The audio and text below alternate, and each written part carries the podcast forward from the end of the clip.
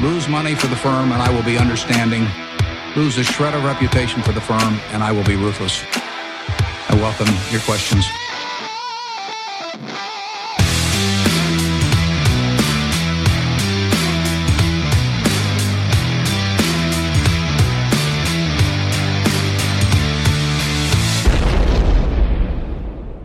Hej och hjärtligt välkomna till Kvalitetsaktiepodden. Det är jag som är Ola. Ja, det är jag som är Klas. Eh, det här är avsnitt 162 Mm. som släpps natten till torsdag den 29 februari, men som så ofta spelas in dagen innan. Mm. Eh, Den här gången består avsnittet till stor del av en förhoppningsvis intressant intervju med Kitrons VD Peter Nilsson som spelades in strax efter deras eh, rapportsläpp. Då. Mm. kan vara så att riktigt uppmärksamma lyssnare kan ha detekterat att något var lite annorlunda här i inledningen av podden. Mm. Ska vi dra av det här plåstret direkt? Gör det. Konstatera att Marcus inte är med oss här idag vid mikrofonerna. Inte med oss längre. oh, den var... Ja. Ja, okej. Nej. Eh, så, så, så kan det vara. Det, vi har den här gamla sedlärande historien om när jag missade eh, ett, ett dop där jag skulle vara, eh, vad heter det nu då, gudfar. Mm. För att vi var i Spanien och spelade golf. Kommer du ihåg detta? Ja. Och, och prästen sa att Claes kan tyvärr inte vara med oss här idag. Nej. Och min stackars bror då, som var den andra som skulle stå där och försöka låta bli och, Och garva. och garva. Men, men det blir folk av den pojken med, så det är ingen Ja. fara. Då är det inte min bror jag menar, utan det, är lilla gossebarnet. Det är inget fel på den pojken. Inget fel på den pojken. Nej, eh, Marcus är inte med här idag. Nej. Och eh, Det kan ju bara betyda två saker. Antingen var det han som ansvarar för vår investering i Betsson. och därför så kanske han aldrig kommer tillbaka igen. Eller så eh, firar han sportlov. Ja, får jag gissa? Ja, du kan få gissa vilken det är, Ola. Jag tror det är att han firar sport, Han, sportlov. han firar sportlov. Ja. Eh, men han kommer som vanligt ta lead på vår intervju med Peter. Såklart. Mm. För, för den hann vi ju klara av innan då. Så han kommer vara rejält med i dagens podd ändå. Och han kommer ju tillbaks i full kraft i nästa podd. Ja. Mm. ja, han har nog landat i Sverige i, i detta nu när det här spelas in i stort sett. Mm. Men eh, han måste väl få vila någon gång, den stackaren. Eh, jag nämnde ju Betsson här. Vi har ju fått in mycket frågor om Betsson Mm. Ja. och eh, för att svara lite på dem direkt här så du kommer titta lite närmare på dem då. Ja. Så, som ett av de tre bolag vi tar upp idag. Mm. Inklusive då huvudrollsinnehavaren eh, Kitron. Mm. Eh, och ja, det, det är dagens innehåll i den här sportslovsspecialen. Ja. Eh, krockar ju lite med rapportperioden här. Eh, no shit. No shit, så här kan det bli ibland. Ja. Ja, eh, vi återkommer till flera av bolagen vi, vi missar här, som Ja. vi vet att ni troligen vill att vi ska säga nå, några ord om då, längre fram. Ja. Mm. Det var det. Vad har du gjort sen senast, Ola? Ja, som du var inne på, mest jobb faktiskt. Mm. Eh, rapporter, styrelsemöten om vartannat hemma på sportlovet. då. Mm. Så medan ni har varit iväg och förlustat er så har jag krigat på. Ja, Eh, du har verkligen fått jobba. Ja, men det har känts okej tycker jag. Man kan ju inte bara vara ledig. Nej, Nej. Så är det ju. Eh, en annan grej är väl att jag börjar fundera på om den här gräsmattan vi rullade ut för, Aj, för, föregående aj, aj. verkligen kommer ta sig faktiskt. Den ser stendöd ut nu va? Nej, men du vet hur det är. Vi har ju ingen mossa, för vi, det är ju nytt gräs. Mm. Ja. Så det, det är inget grönt. Nej, det är bara De andra eh, grannarna har ju ändå någon form av grö, grundgrön Ja, färg. På grund av, murrigt. mm. Men det har ju inte vi. Nej, Det är brunt. det är brunt ja. Men det är väl som det alltid är innan våren slår till med full kraft. Det ser skit ut innan det börjar växa. va? Mm. Så att jag hoppas att det här kan bli en sån frodig, riktig fin gräsmatta här framåt april. va? ja. Mm. Det ser som mörkast ut innan det ljusnar, som man brukar säga. Ja, precis exakt. Ja. Så är det. Nej, men eh, mest jobb. Mest jobb. Du då? Ja, Nej, jag eh, vet ju vad det du finns har- ju en anledning till att du har fått göra mest jobb. Då. Ja. För jag har ju varit i Vemdalen. Oh, who, who Valley. här. Vi brukar säga who, Who- who Valley. Ho Valley var jag i. Mm. Eh, ja, det här var ju eh, en blandad upplevelse då. Okej. Där, där den här frihetskänslan i de gröna och blå backarna, där är det jag numera helst uppehåller mig då. Eh, det var härligt. Det Mm. blandades ju med den här eh, rädslan som alltid finns för akuta ryggproblem numera. Ja. Och så en, en ganska rejäl smärta i knäna. Aj. Vi besöker de här transportliftarna som finns. ja, liftarna var värst. Ja, nej men alltså, jag har uppenbarligen nått en punkt nu där det värsta jag kan utsätta mina knän för är långa partier i släpliftar med klart begränsad lutning. Det kom ju nästan en tår av frustration då i den ofattbart långa och långsamma släpliften så tar den tillbaka till Klövsjö från det lilla bihangsystemet i Storhogna. Ja, mm, jag har ju varit du. där. Jag, har- jag tror jag åkt där, men jag var ju betydligt yngre då än vad du är nu, så att säga. Och piggare. Eh, alltså fatta vilken förnedring det hade varit. Jag var nära att släppa här alltså. Nej. Nej, gjorde jag inte. Eh, det var lite inte aktuellt, men jag överlevde sista hundra metrarna lite drygt genom att liksom sitta i störtloppsställning. Här- och höll liksom knappliften framför mig i ett grepp som ett Oh. lekande barn. Det här skulle jag vilja ha sett Ja, alltså. Vilket troligen orsakade minst lika stor pinsamhetssmärta hos min numera 16-åriga dotter som var med här. Och hon åkte hon har bakom? inte sagt ett ord. Åkte de bakom? Eller? Nej, hon åkte framför så hon kan ju ha missat. Jag tänkte om hon åkte bak. Ja. Då, då lär du inte, om du hade ropat då, vänta, så hade inte hon svarat. det kan Nej, lova. hade, hon hade inte vetat vem jag var. Det hade jag gått med på. Mm. Jag kan tycka hon är lite stingslig så ibland, men den här hade jag tagit. Ton- vet du. Ja, man kände sig inte cool då. Nej. Men eh, nej, jag överlevde det där med. Oh. Ja, men du vet, några andra som, Som? troligen tar sig snabb, eh, upp för backarna snabbare utan lift än med lift. Om de skulle få för sig att åka slag. Vet du vilka det är? Nej, jag, jag, den här veckan gissar jag utan tvekan på Cavalier. Ja. Peter och Håkan då, Ja. på eh, Cavalier AB. De är vår huvudsponsor. Mm. Eh, Cavaliers fond Quality Focus har ju som vi tidigare berättat haft ett riktigt bra start på året Ja. och har i år redan gått upp 7 procent. Och ligger därmed fortsatt i topp i sitt jämförelseindex. Snyggt. Det är inte imponerande. Jag tror du vet, de brukar ha 5-6 procent som mest i ett innehav. Det är en bra start. Det är väldigt bra. Det är ju nästan en, år, en börsårsavkastning. Ja, det är helt 7%. otroligt. Eh, Men, men i år, så här långt, Ja, ja, ja. vi är ju bara i slutet på februari, det är en kort, tänk- kort tidshorisont. Tänk om man kunde se framtiden utifrån historiken. Mm. Det brukar vi se att man kan, men det är svårt det här med fonder. Ja, man vi brukar att... ju skämta om folk på Twitter eller X numera ibland som, liksom, som skriver att ja, men den här avkastningen jag har haft så här långt så blir min årsavkastning. Ja, den är bra. Den är bra. den är bra. Ja, det, ja. Så håller inte Kavaljer på. Nej. Men eh, kort tidshorisont för att vara dem då, för de har en väldigt långsiktig karaktär, till exempel Quality Focus, eh, eller långsiktig strategi. Mm. Ja. Och så nästan ännu mer glädjande är ju att eh, Quality Focus även ligger i topp på tre års sikt Ja. i sitt jämförelseindex på Morningstar. Viktigt. Viktigt. Mm. Eh, och ett innehav där Cavalier verkligen varit trogna sitt lång, sin långsiktiga filosofi är ju ITAB. Mm. Det har ju varit ett innehav i Quality Focus eh, så länge vi kan minnas. va? Ja, Och eh, i år har ITAB alltså gått upp med hela 50 procent. trevligt. har ju alltid varit, eller över tid varit ett centralt innehav i fonden. Mm. Eh, vi är ju imponerade av det fina jobb som Peter och Håkan utför och eh, vill ni som lyssnare få ta del av deras tankar och insikter runt ekonomi, marknad och bolagen i fonderna tycker vi att, vi ska, tycker vi att ni ska testa deras fina informativa månadsbrev. Kan man enkelt prenumerera på via deras, via deras hemsida kavaljer.se. Där kan man också läsa mer om deras övriga kapitalförvaltning och den värdefilosofi som allt, eh, genomsyrar allt de gör. Vill man veta mer om filosofin bakom Cavaliers förvaltning eh, så läser man där. Mm. Och köpa in sig i fonderna kan man göra hos Nordnet, Avanza och Saver. Och när vi pratar om fonder är det viktigt att komma ihåg att historisk avkastning i fonder inte behöver vara en indikator på framtida avkastning och att ni kan förlora delar av ert satsade kapital då fonder både kan gå upp och ner i värde. Tack säger vi till vår huvudsponsor Cavalier AB. Ja, vi har också idag med oss vår äldsta samarbetspartner Börsdata. Värdeinvesterarens bästa vän. Ja.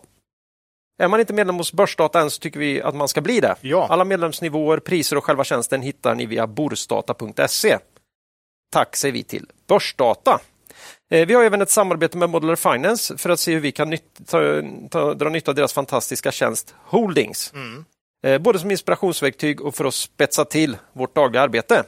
Att veta vilka som äger och handlar i bolagen vi är intresserade av är viktig information. Särskilt om man som vi försöker vara professionella investerare. Eh, tack säger vi till Modular Finance och deras tjänst Holdings.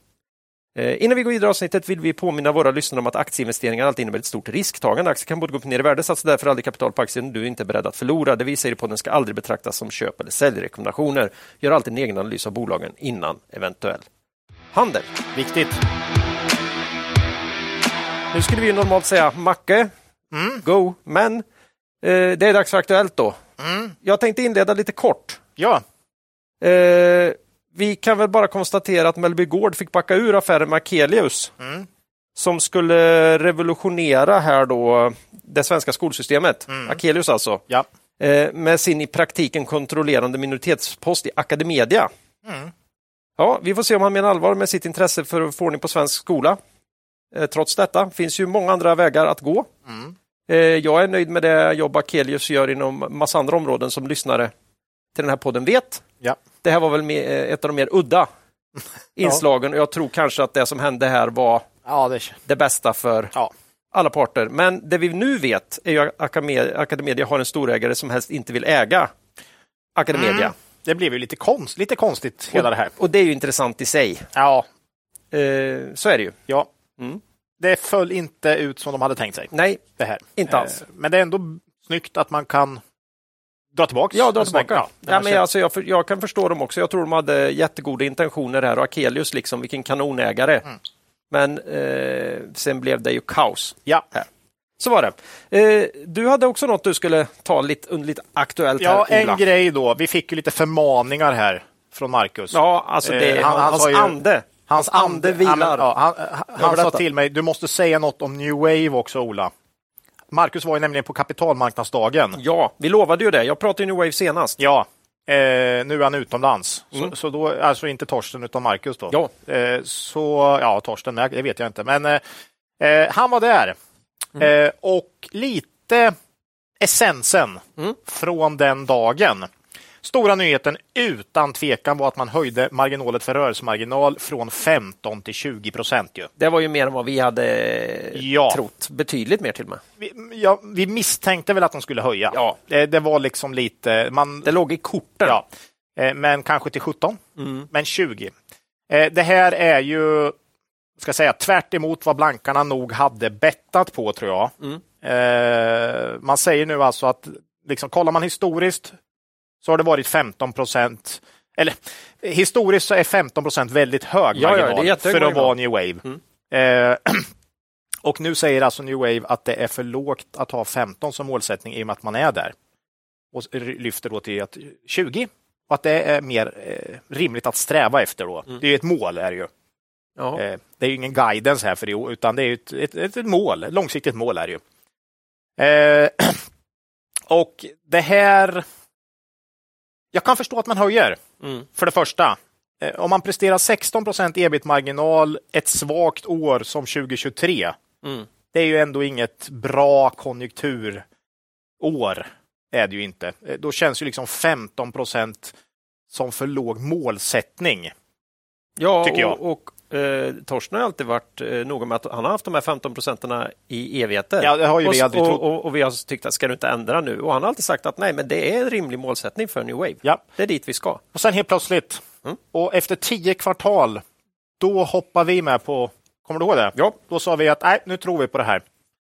Ja. Eh, och ja, nu är vi väl där och jag tror att den här kraftiga uppgången i New Wave-aktien sista tiden, den är plus 35 procent på en månad. Ja, det är ju, det är ju sjukt. Det här speglar, tror jag, att marknaden nu på allvar tror på att det här, liksom, den här marginalförbättringarna som, som New Wave har gjort senaste åren är bestående. Inte bara pandemieffekter alltså. Nej, jag, liksom, jag jag ser det här som en bekräftelse på att marknaden nu tror på det här och accepterar att det här är rimligt. Eh, sen kan vi ju se, den har, var, var, har ju varit mycket blankad. Mm. 5 var ju blankat, nu nere på 3 ungefär blankat. Så det känns som att uppgången ligger ju också lite, är ju också lite beroende på att blankarna har täckt här. Ja. Även de har väl kanske då sagt att fan, det var kanske ingen engångsgrej det här utan Mm. marginalen är kanske permanent högre för New Wave nu. Ja, alltså man behöver ju inte tro på att 20 ska komma imorgon för att, eh, för att de ska ha haft fel, om det nu är så att blankarna har fel här. Utan Precis, det räcker ju med att han behåller, sig, behåller den nivån han ligger på nu. Ja. Eh, och den här marginalförbättringen, vi har ju pratat länge, det är ju, Cr- Crafts framgångar är en viktig faktor här. Eh, det här har vi pratat om vid otaliga tillfällen. Eh, inom Craft är ju lönsamheten betydligt högre än koncernen i övrigt. Och eh, i och med att Craft har ökat andelen av eh, New Waves så pass mycket under senaste år så har vi en viktig faktor där. Sedan lyfter faktiskt New Wave fram en, en till intressant lönsamhetsfaktor på kapitalmarknadsdagen som jag liksom inte riktigt hade koll på innan. Nej. Det var de här autolagren. Autostore, ja. Autostore som man liksom har börjat Det är ju en, eh, en riktig favorit för mig och tyvärr inte, jag har verkligen inte fattat att eh, Torsten var all in autostore. Det är han ju inte, men att han har börjat, utan jag älskar ju tekniken. Jo, jag, jag- älskar att sitta och titta på de där filmerna på Youtube. Vi har Ja. pratat om det i podden för. Ja, jag vet ju också vad du var bäst på på universitetet. Ja. Eh, På civilingenjörsutbildningen så var ju din, din, di- där du stack ut som vassast var ju på produktionsekonomi och få liksom l- förbättrad lönsamhet från att optimera. Ja. Är du med? Det fanns ett ganska stort kapitel i ett, en av våra sista rapporter vi gjorde. Du var, var vi i samma grupp där Ja. som hette Glasvagnarna. Ja. Jag blev ganska hånad för det, Ja. men läraren var nästan tårögd av Ja, lycka. ja. Där, där hade du ju femmor rakt igenom på de ämnena. Ja, det, var, det var det också. Eh, Nej, men alltså man har börjat se, ty- man ser tydliga lönsamhetsförbättringar från de här autostore, de här lön, alltså lagren då. Eh, och man säger att man kommer fortsätta rulla ut det här, vilket också kommer driva lönsamhetsförbättringar. Eh, jag, jag hörde siffror som från typ 10% till 20% marginal på de områden man har liksom gjort de här förändringarna. Så det är ju det är en stor skillnad. Ja. Det är inget snack om det. Eh, som sagt, blankarna har väl också i mångt och mycket accepterat att marginalen i New Wave kanske inte ska tillbaka till de här 10 procenten, utan det är hållbart helt enkelt. Men jag förstår det caset. Vi var ju inte säkra. Nej, absolut inte. Eh, Och jag förstår deras case de hade. Du har en marginal som är långt över det historiska snittet och dessutom har du samtidigt en marknad som börjar... Ja, men den, den blir ju tuffare och tuffare under ja. 2023 för New Wave. Så att om du dels har en, en, en, en tänkbar överlönsamhet och sen en inbromsande mark, konsumentmarknad på det, då kände väl de att sannolikheten var ganska stor att de ändå skulle kunna tjäna pengar på det. Ja, ja. Eh, nu har de, många säkert fått köpa tillbaks dyrare då. Eh, men aktien var nere var det 70 spänn eller något. Ja. Som, något sånt och nu 125. Något sånt. Så det är, det är rejält alltså. Sen vet man ju inte längre riktigt vilka som blankar. Det har säkert Nej, det bytts ut en del blankare, för jag kan tänka mig att man kan göra sig ett nytt blankarcase i och med att aktien har gått så här. Ja, ja man har ingen aning. Nej, man har ingen aning. Eh, Torstens insynsköp här verkar ju än så länge i alla fall ha varit mer vältajmade än de här blankningarna då. Mm. Får man ju säga. Eh, men som sagt, om framtiden vet ingen. Nej. Men marknaden och vi, vi kapitulerade ju för något år sedan eller Mm. två. Jag kommer inte ihåg exakt eh, när det var, men då vi sa att nu, nu är det ett tydligt tecken på att lönsamheten är bättre permanent. Så att ja, marknaden är nog där nu tror jag. Mm. Eh, Och Torsten har väl fått, fått rätt här. Vi övergav ju hela vår modell som går ut på att spå Mm. framtiden genom historiken här. Ja, För att eh, det var något som inte... tackar också Cavalier skulle jag säga. Mm. eh, För att de från första början fick oss att på allvar gräva i New Wave. Så tack Ja. till Peter och Håkan kan vi säga. Där. New Wave, om, vi, om ITAB är ett centralt innehav så är ju New Wave, New Wave verkligen, skulle Ja. tippa att det är största innehavet i Cavalier Quality Ja, och det är väl det jag förknippar mest med Cavalier historiskt också. Ja. De har ju verkligen varit med där sedan, sedan tidigt. Ja, Ja. så är det. Nej, men det är New Wave. Vi äger fortfarande aktier i New Wave trots kursuppgången här. Mm. Får vi se vart det tar vägen. Ja, Mm. spännande tider. Ja, Eh, det var aktuellt. Mm. Och vi hoppar över till bolagen då. ja, Och eh, idag har vi den stora glädjen att åter ha med oss Affärsvärlden som sponsor i podden. kul. Och den minnesgode vet att eh, vi brukar göra som så att vi tittar till en aktuell analys eller nyhet Mm. och kommenterar på den. Mm. Eller parallellt med den på något sätt kan man säga. Och den här gången vacklar jag fram och tillbaka med den, den mycket intressanta analysen av Skistar. Mhm. I och med att jag var uppe och åkte skidor Ja, hos intressant. Skistar. Ja. Och den vidhängande intervjun med deras VD eh, Stefan Sjöstrand. Eh, de här grejerna släpptes den 17 februari. Eh, Mm. Eller så skulle det kunna vara analysen av eh, poddbekantingen Aligo som Daniel Svensson tittar närmare på den 20 februari. Så jag 17 januari innan. 17 februari Mm. Ja, ja. kom eh, naturligtvis Skistar och den 20 februari Mm. eh, släppte de Daniels analys av Aligo. Mm. Finns ju att läsa digitalt då på affärsvärlden.se. Jaha, vad, vad blev det? Blev det... Den blev ju Aligo naturligtvis. Det är ju inget att dra ut på. Nej, men alltså jag kan inte Skistar på det sättet. Nej, nej. Nej. Mm. Det, var, det var för mycket jobb under... eh, Men Jag hade, ju, jag hade ju semester. Skistar är ju annars ett, Ja, det är ett jätteintressant. typiskt kvalitetsaktiepodden Ja, och bolag skulle jag säga. Alltså, de kan verkligen ta betalt. Ja, kan jag jo, säga. jo. Märkte Det man ju när är- man var där uppe nu. Vallgravar och Det grejer. var kanongrejer. Vi, hy, vi hyr ju i min familj. Det var Ja, fasen mig kanongrejer vi fick ut. Alltså. Ja, ja. Jo. Det är, de de Ja, vet vad ska de håller på med. vi ska upp till Trysil då, så att, eh, Är det en skistart? det är också skistartet. Alltså de är överallt. yes, Överallt. Yes. Jag har aldrig varit där. Får bli Nej. någon gång. Eh, men Aligo då. Daniel här då, Svensson, Affärsvärlden. Shoot. Eh, han går ju på ett mycket pedagogiskt sätt igenom allt vi tycker man behöver veta för att själv kunna göra sin eh, så viktiga egna analys i Aligo. Och lyssnarna av den här podden eh, känner ju eh, till vart Aligo kommer ifrån genom sammanslagningen av Swedol och Tools. Tools. Swedol. Svetå... Nej, nej, den går inte. Den Nej. var svår. Vilken tungbrickare. Svedol och Tools. Okej, ja, ja. Eh, tror det var 2020 sent. Det hände. ja, ja. Eh, men finns det några luckor där så kan man ju eh, få snabbversionen här i Daniels artikel eller så lyssnar man om man missat eh, den in, på den intervju vi gjorde med Klein, vd där, Mm. i avsnitt 158. Eller vår senaste rapportkommentar i avsnitt 155. Mm. Kan man göra. Ja, åter till artikeln. Eh, Efter den inledande bolagsinformationen kommer Daniel i sin analys direkt till pudelns kärna i caset. Eh, och eh, Det handlar ju om marginaler här och de olika marknaderna. Om vi tittar på hur det ser ut nu då, eh, 2023, omsättningsfördelning och ebita-marginalen, för det är ebita han jobbar med här, för att bolaget har ju sitt mål i ebita. Ja. Då ska vi vara klara med att ebit och ebita är inte så långt ifrån varandra, Nej. ofta i just eh, Aligo. Då. Så vi kan leva med det. Men eh, om vi tar de tre marknaderna lite snabbt här då. Sverige stod för 58 procent av omsättningen. Mm. 77 procent av Av Ebita. Ebita, ja. Ja. Mm. ja. det ger en ebita-marginal på 11 procent. Mm. Norge 26 procent av omsättningen eh, och en marginal eh, ligger någonstans uppåt 8 procent va? nu. Hade väl, eh, nej den har gått från 4 till 6 procent Ja. de senaste tre åren. Eh, samt Finland då, 16 procent omsättningen och eh, bara cirka 4 procent i marginal. Ja. Memo till mig själv. Tro inte att du kan komma ihåg vilken marginal Aligo har i Norge. Så, eh, skriv ner det på manus. Eh, den stora skillnaden mellan länderna är ju kundstrukturen. Där eh, de betydligt fler mindre kunderna ger mycket bättre marginaler i Sverige, Mm. bland annat. Ja. Eh, färre stora kunder, eh, eller fler stora kunder drar ner marginalen i framförallt Finland. Och Det här är något som bolaget på koncernnivå försöker förändra. Man försöker få in fler mindre kunder i Finland men också i Norge. Och En annan stor skillnad mellan marknaderna är ju att eh, Aligo har en betydligt högre andel av försäljningen från egna varumärken. Mm. Eh, bland annat björnkläder här va? Ja. I, i Sverige. Och det är också någonting som man försöker naturligtvis öka på i grannländerna.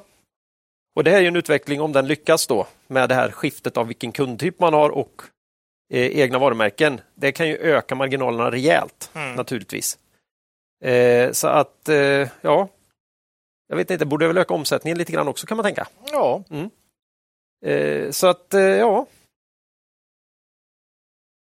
Bolaget startade ju här när Klein, Klein tog ju inte över det här. Klein kom ju in via Swedol-benet så att säga. Ja. Och eh, han startade den här resan någonstans runt 5-6 procent ebita-marginal. Ja. Eh, även om den nog kan ha varit lite sänkt av sammanslagningen och sådär. Ja. Nu är vi alltså upp, har tagit sig till runt 9 procent. Bara tre år här. Men eh, var det Q4 eller? Nej, för, för helåret. Ja. Mm. 23. Mm. Och Q4 var ju helt galet. Ja, 11 eller något va? Har jag för mig. Ja, Mm. Nuvarande mål har ju, man har nu är ju 10 ebita-marginal. Eh, det kan man nå. Eh, om man nu lyckas med de här förändringarna i framförallt Sverige säger han ju, det vill han ju bara försöka behålla. Mm. Sen är det ju Norge och Finland som ska utvecklas då. Eh, andra styrkor i caset är ju att den här sammanslagningen mellan Tools och eh, Swedol nu börjar komma i mål här. Eh, man har ett mer, betydligt mer effektivt och likriktat utbud i alla Ligos butiker oavsett om det står Swedol eller Tools på skylten. Och man jobbar även med att effektivisera lagerhållning och centrallagren och sådär. Eh, rapporten här släpptes den 16 mars. Den togs emot väl av marknaden eh, med ett lyft av aktien på över 10% på rapporten. Mm. Och det trots att den redan hade gått 60 procent sedan den bottnade ur i början av november då, Ja. Efter förra rapporten. ja. Den var inte lika positivt mottagen kan vi väl lugnt säga. Brutalt stark kursutveckling i Aligo sista eh, halvåret. Mm. Mm. Och idag handlas aktien på ungefär samma nivå som på rapportdagen. Den har varit uppe här men fallit tillbaka lite ju Ja. senaste. Ja. Eh, marknaden gillar alltså Q4-rapporten. Omsättningen var dock ner i, i kvartalet med 7% organiskt. Ja. Eh, men på helåret kom man in lite plus Mm. eh, på omsättningen. Eh, Och det som överraskade oss, det var ju det du var inne på här och troligen marknaden med, det var ju den här ebita-marginalen på 11 procent Ja. i Q4 här. Nej, det är ju de här Galet lönsamhetsförbättringarna som fortsätter imponera och det är ju det som har varit det stora caset. Ju. Ja. Och det gjorde ju som jag nämnde innan då att eh, den justerade ebita-marginalen här, och det är justerat för några engångsposter som vi kan leva med, det landar på ungefär 8,9 procent Mm. för, eh, 2023. Då. Mm. Eh, så är det. Det här är otroligt starkt på en vikande marknad. Ja, det är framförallt det som är imponerande. Ja. Alltså, det är inte så här att det här är någon kanon bra tid för Aligo, utan det är ju en tuff marknad man gör det här i. Ja. Så, så, så det är ju starkt Mm. ur, ur det perspektivet att, att det är stentufft. Men problemet är ju att det är stentufft. Ja. För det är också det stora fortsatta orosmolnet i caset. Ja, i, på kort sikt. Ja, så både vi och Daniel på Affärsvärlden eh, plockar upp här. Mm. Eh, bo, även bolaget, även Klein själv, han tror ju utmanande som många andra första halvår. Ja. Och han vet ju egentligen inte, det kanske inte bara är ett första halvår, det kan ju vara hela 2024 här. Ja, där hör man lite olika signaler från lite olika företag tycker jag. Vissa Ja.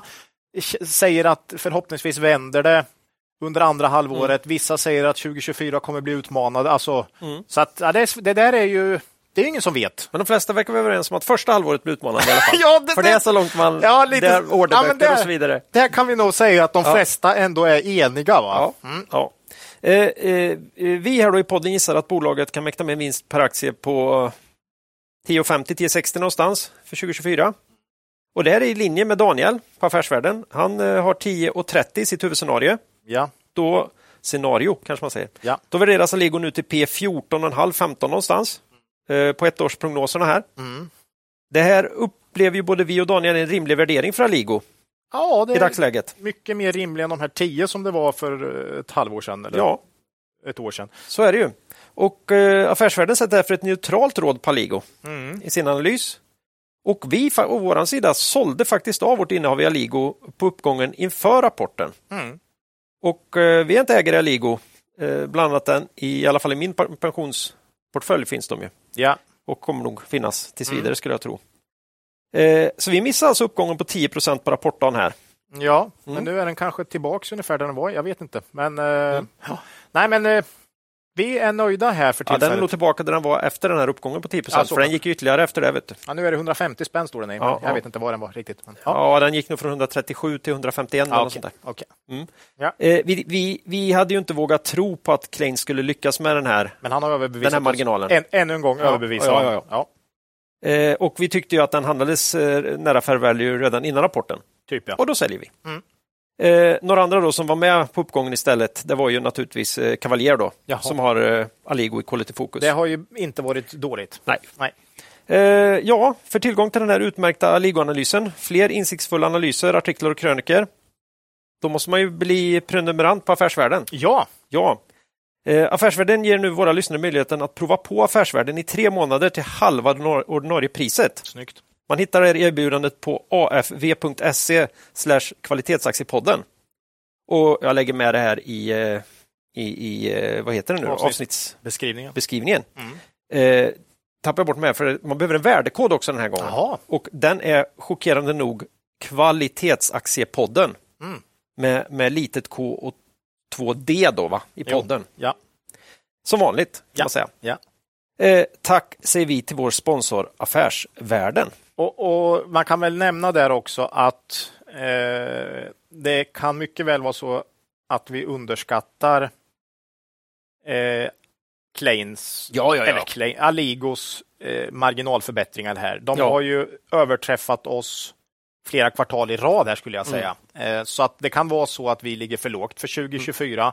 Dessutom är det ju så att det här är ju inga toppvinster Absolut inte. utan Aligo bör ju kunna få en eh, omsättningstillväxt också när marknaden vänder. Mm. När den nu gör det. Det jobbiga är väl att vi inte riktigt vet när det blir så och till P15 känns det ändå som att Ja, då är det mesta taget för Mm. tillfället tycker vi, så får vi se. Eh, Q1, Q2 kan bli svaga. Eh, med, mm. Vi får se om marknaden... Ibland tar marknaden ut allt långt i förväg och mm. då får vi inte vara med mer. Nej. Bergman och Beving hade väl en sån utveckling där ja, bara försvann. vinsten gick ner och, och P talet rusade och aktien gick upp. Liksom. Mm. Så, att, så, att, man vet inte. Men vi, vi känner oss nöjda, nöjda här med värderingen ändå. Att den har blivit mer rimlig. Mm. så att säga. Och, eh, Men som buy and hold tror insats. vi kanonbolag. Mm. mm. Eh, det var Affärsvärlden och Aligo det. Ja. Eh, vi går vidare till vad A då. Mm. Kommer vi till B här. Oj, det var Mm. Och utlovade ju Betsson, så det här är ju ingen eh, nyhet för lyssnarna. Då. Nej. Eh, marknaden gillar ju inte Betssons rapport här. Nej. Hur tänker Viola? Var med senast i avsnitt 156. Vi har nog aldrig fått så många frågor om vi inte kan ta upp ett bolag som inför den här podden. Så eh, jag kände mig nästan tvingad eh, att ta upp Betsson. Nu ska man ju säga att det här är ju inget Många tycker att det är ett stort ras och så här, nej, aktien är inte ner särskilt mycket i år. Nej. Så, så, att det här är ju inget, det är ju en krusning i det långa tycker jag. Men vi ska ta upp det här i alla fall. Ja. Vår syn. Många frågor. Det här är vår syn liksom, på Betsson. Eh, Q4 kom in väldigt nära våra förväntningar. Omsättningen ökade med 14 procent, ebit ökade med 43 procent. Sportfruktmarginalen var historiskt låga 6,2 procent och påverkade såklart negativt. Eh, så har det tydligen sett ut även under inledningen av Q1, alltså med låg sportsmålsmarginal. Då. Eh, man lämnar en ganska svag trading-update. Alltså, alltså hur intäkterna har börjat i det nya kvartalet. Året, ja. ja. Nya kvartalet. Eh, här säger man att intäkterna ökade med cirka 6 procent, justerat för valuta plus 16. Eh, här ska man ju sätta det lite i i kontext till att 2022 och 2023 har varit väldigt starka år också. Mm. Båda de åren har omsättningen ökat med mellan 20 och 30 procent eh, per år. Mm. Så att eh, Betsson har historiskt legat på cirka 12 procent omsättningstillväxt, så att det blir några år med lägre tillväxt. Det är ju bara naturligt i en verksamhet. Man kan inte trumma på med de tillväxttalen hur länge som helst. Nej, det blir tufft. Så, att, så är det ju. Mm. Eh, och ska vi vara ärliga här, vilket vi är, mm. alltid, så tror inte vi att, bet, att vinsterna för Betsson kommer öka särskilt mycket under 2024. Väldigt tuffa jämförelsekvartal, äh, jämförelsetal här. Eh, vi har dock ett fotbolls på ingång. Skulle kunna få positiv effekt och framförallt på de här europeiska marknaderna då, såklart, som kommer spela mycket på, på fotbolls-EM. Eh, också intressant att man nu har liksom investerat ganska rejält i länder som Belgien, Frankrike, nu senast Holland. Mm, det är förvärvet, ja. Så att man liksom kommer in på de här marknaderna som ska vara med då i fotbolls-EM och kanske kan driva tillväxt där då. Det är ett bra läge. Eh, intressant. Som har sagt, jag vet inte hur många gånger, men nästan varje gång vi har pratat Betsson i alla fall, mm. så ser vi fortsatt Turkiet som den stora risken. Mm. Eh, detta då Turkiet står för en väldigt stor del av den nuvarande vinsten. Eh, och Det här brukar vi som sagt lyfta fram när vi pratar Betsson. Eh, vill man ha ytterligare input på det här så tycker jag faktiskt man kan lyssna på Magnus resonemang i podden Aktiesnack. Ja. Senaste avsnittet. Vi, hade ju, vi var gäster i deras podd. Ja. Så den lyssnar vi på flitigt och här uppskattar han att Turkiet står för cirka 80 procent av nuvarande vinst. Och det tycker inte jag känns helt orimligt. Ja, det är ju det som är så sjukt, mm. men eh, inte konstigt. Nej, B2B står ju för cirka 25 procent av omsättningen. Och här lär ju Turkiet vara i stort sett allt. Och för de här 25 procenten har man ju väldigt, väldigt låga kostnader. En viktig input här som jag tycker många inte riktigt lyfter, det är ju att det här med, liksom, med hela resonemanget om Turkiets vinstandel. Det, här, det viktiga tycker jag är här att man tänker på att Betsson i dagsläget lägger väldigt mycket pengar på de nya marknaderna. Alltså för att öka de här. Man har ju under de senaste åren blivit en stor aktör i Sydamerika. Det är klart det kostar att ta sig in på nya marknader. Senaste året har man via förvärv investerat i framtida intäkter från Belgien, Frankrike och nu senast Holland som jag sa. Man lär fortsätta använda vinsterna från Turkiet för att köpa sig omsättning på andra marknader. Mm. Det är liksom det som är strategin. Det är hur tydligt som helst. Det här, I denna kontext tycker inte jag det är konstigt att Turkiet står för en stor del av vinsten.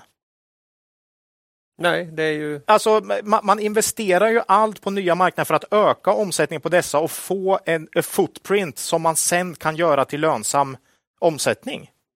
Marknadsföring kostar, man lägger inte ett öre på marknaden. Alltså, hela den Nej. Ett, ett stående men inte speciellt roligt skämt i den här podden är ju att du säger ska inte Betsson göra ett förvärv snart? Och du säger jo, det kommer nog ett i Turkiet när som jo, helst. Jo, exakt. Eh, eh, så är det ju. Jag tror att Turkiet kommer fortsätta stå för en stor del av vinsten så länge de intäkterna finns. Ja. För man kommer alltid återinvestera de här intäkterna på övriga marknader för att växa dem för att minska beroendet. Mm. Så liksom, det är inte konstigt att de övriga marknaderna inte går med mycket vinst, för man försöker ju få upp dem så mycket som möjligt såklart. Om Turkiet nu mot förmodan skulle försvinna eller minska, som jag inte tror egentligen, eh, så tror jag definitivt vi kommer att få se ett ökat fokus på kassaflöde från de här alla nya marknader som man investerat hårt i under senaste åren. Och då kommer vinsten gå upp från dem. Det är så jag ser på det. Man tar alltså vinsterna och lägger kost, extrema kostnader på att öka andra marknader och där har du en stor förklaring till att Turkiet är en så stor del av vinsten. Eh, likt eh, det här med Turkiet vara eller icke vara. Om vi tar många andra marknader så är det ju så att om det kommer förbud eller om det någonting, liksom, någon reglering gör det svårare, så är det också så att intäkterna brukar aldrig droppa på en dag, utan det är väldigt svårt att, att eh, totalt säga att det blir ett stopp för intäkter. Vi, vet ju hela det, Norge och allt. Ja, ja. ja. Det är det med internet. Så, så, att oavsett vad som händer så tror jag inte att Turkiet försvinner. Man kan inte säga att det försvinner över en natt. Liksom. Nej. Om det nu ens ska göra det. Det har funnits i 14 år tror jag, va? Eller något sånt där. Jag, ja. Det har ju varit med i alla tider. Ja, exakt. Eh, sen kommer det här med Turkiet upp då och då det här är inget nytt för insatta investerare att Turkiet står för en stor vinst. Det vet ju, det måste ju alla känna till i dagsläget. Det är bara det att ibland fokuserar marknaden på det här, ibland på alla de här nya marknaderna man bygger upp och säger vad häftigt, snart. Är du med? Det, det, är, liksom, det är ett skiftat fokus som går fram och tillbaka och just nu är det fokus på Turkiet. då. Man ska också komma ihåg här, en, ytterligare en, en viktig punkt här. Om Turkiets vinstandel skulle minska, det vill säga någonting skulle hända, man tar bort 50 procent av Betssons resultat och det är resultat från Turkiet. Mm. Då måste ju den kvarvarande vinsten värderas högre.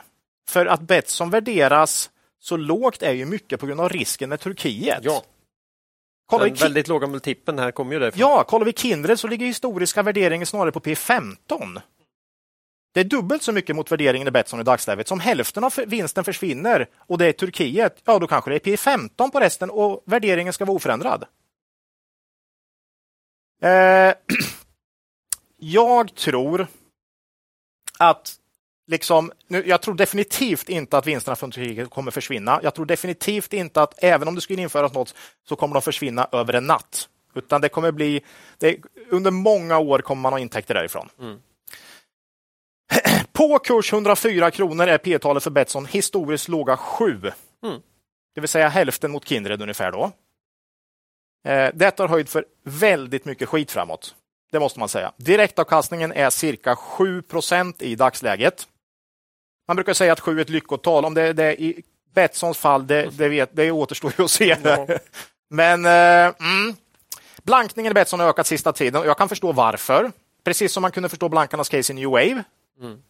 Inouye visar ju, som jag sa förut, att det var en kombination av en extremt hög rörelsemarginal sett till historien och dessutom en marknad som viker.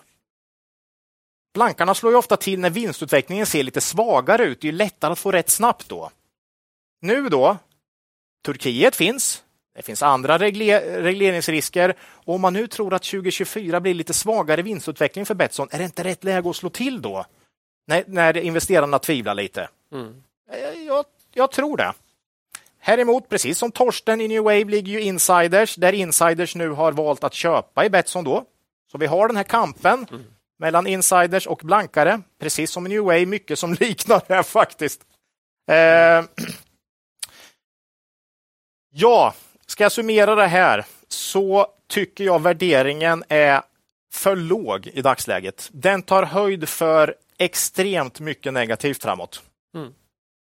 Eh, och tar man bort Turkietintäkterna, då tror jag som jag sa att övriga marknader kommer bli mer lönsamma och dessutom ska ju värderingen på Betsson upp. För att då är ju inte den risken kvar. Om nu, rent hypotetiskt, jag tror inte det kommer ske. Nej. Men det är ju ett resonemang som vi för när vi kollar på Betsson. Aktien gick väldigt starkt före rapport här ska vi också säga, för den följer en del på rapport.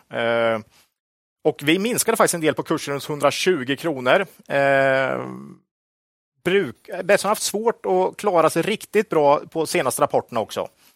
Så vi minskade lite och eh, ja, nu har som sagt aktien tappat en del, förmodligen till stor del beroende på blankningar. Ju. De driver ju på kursnedgången.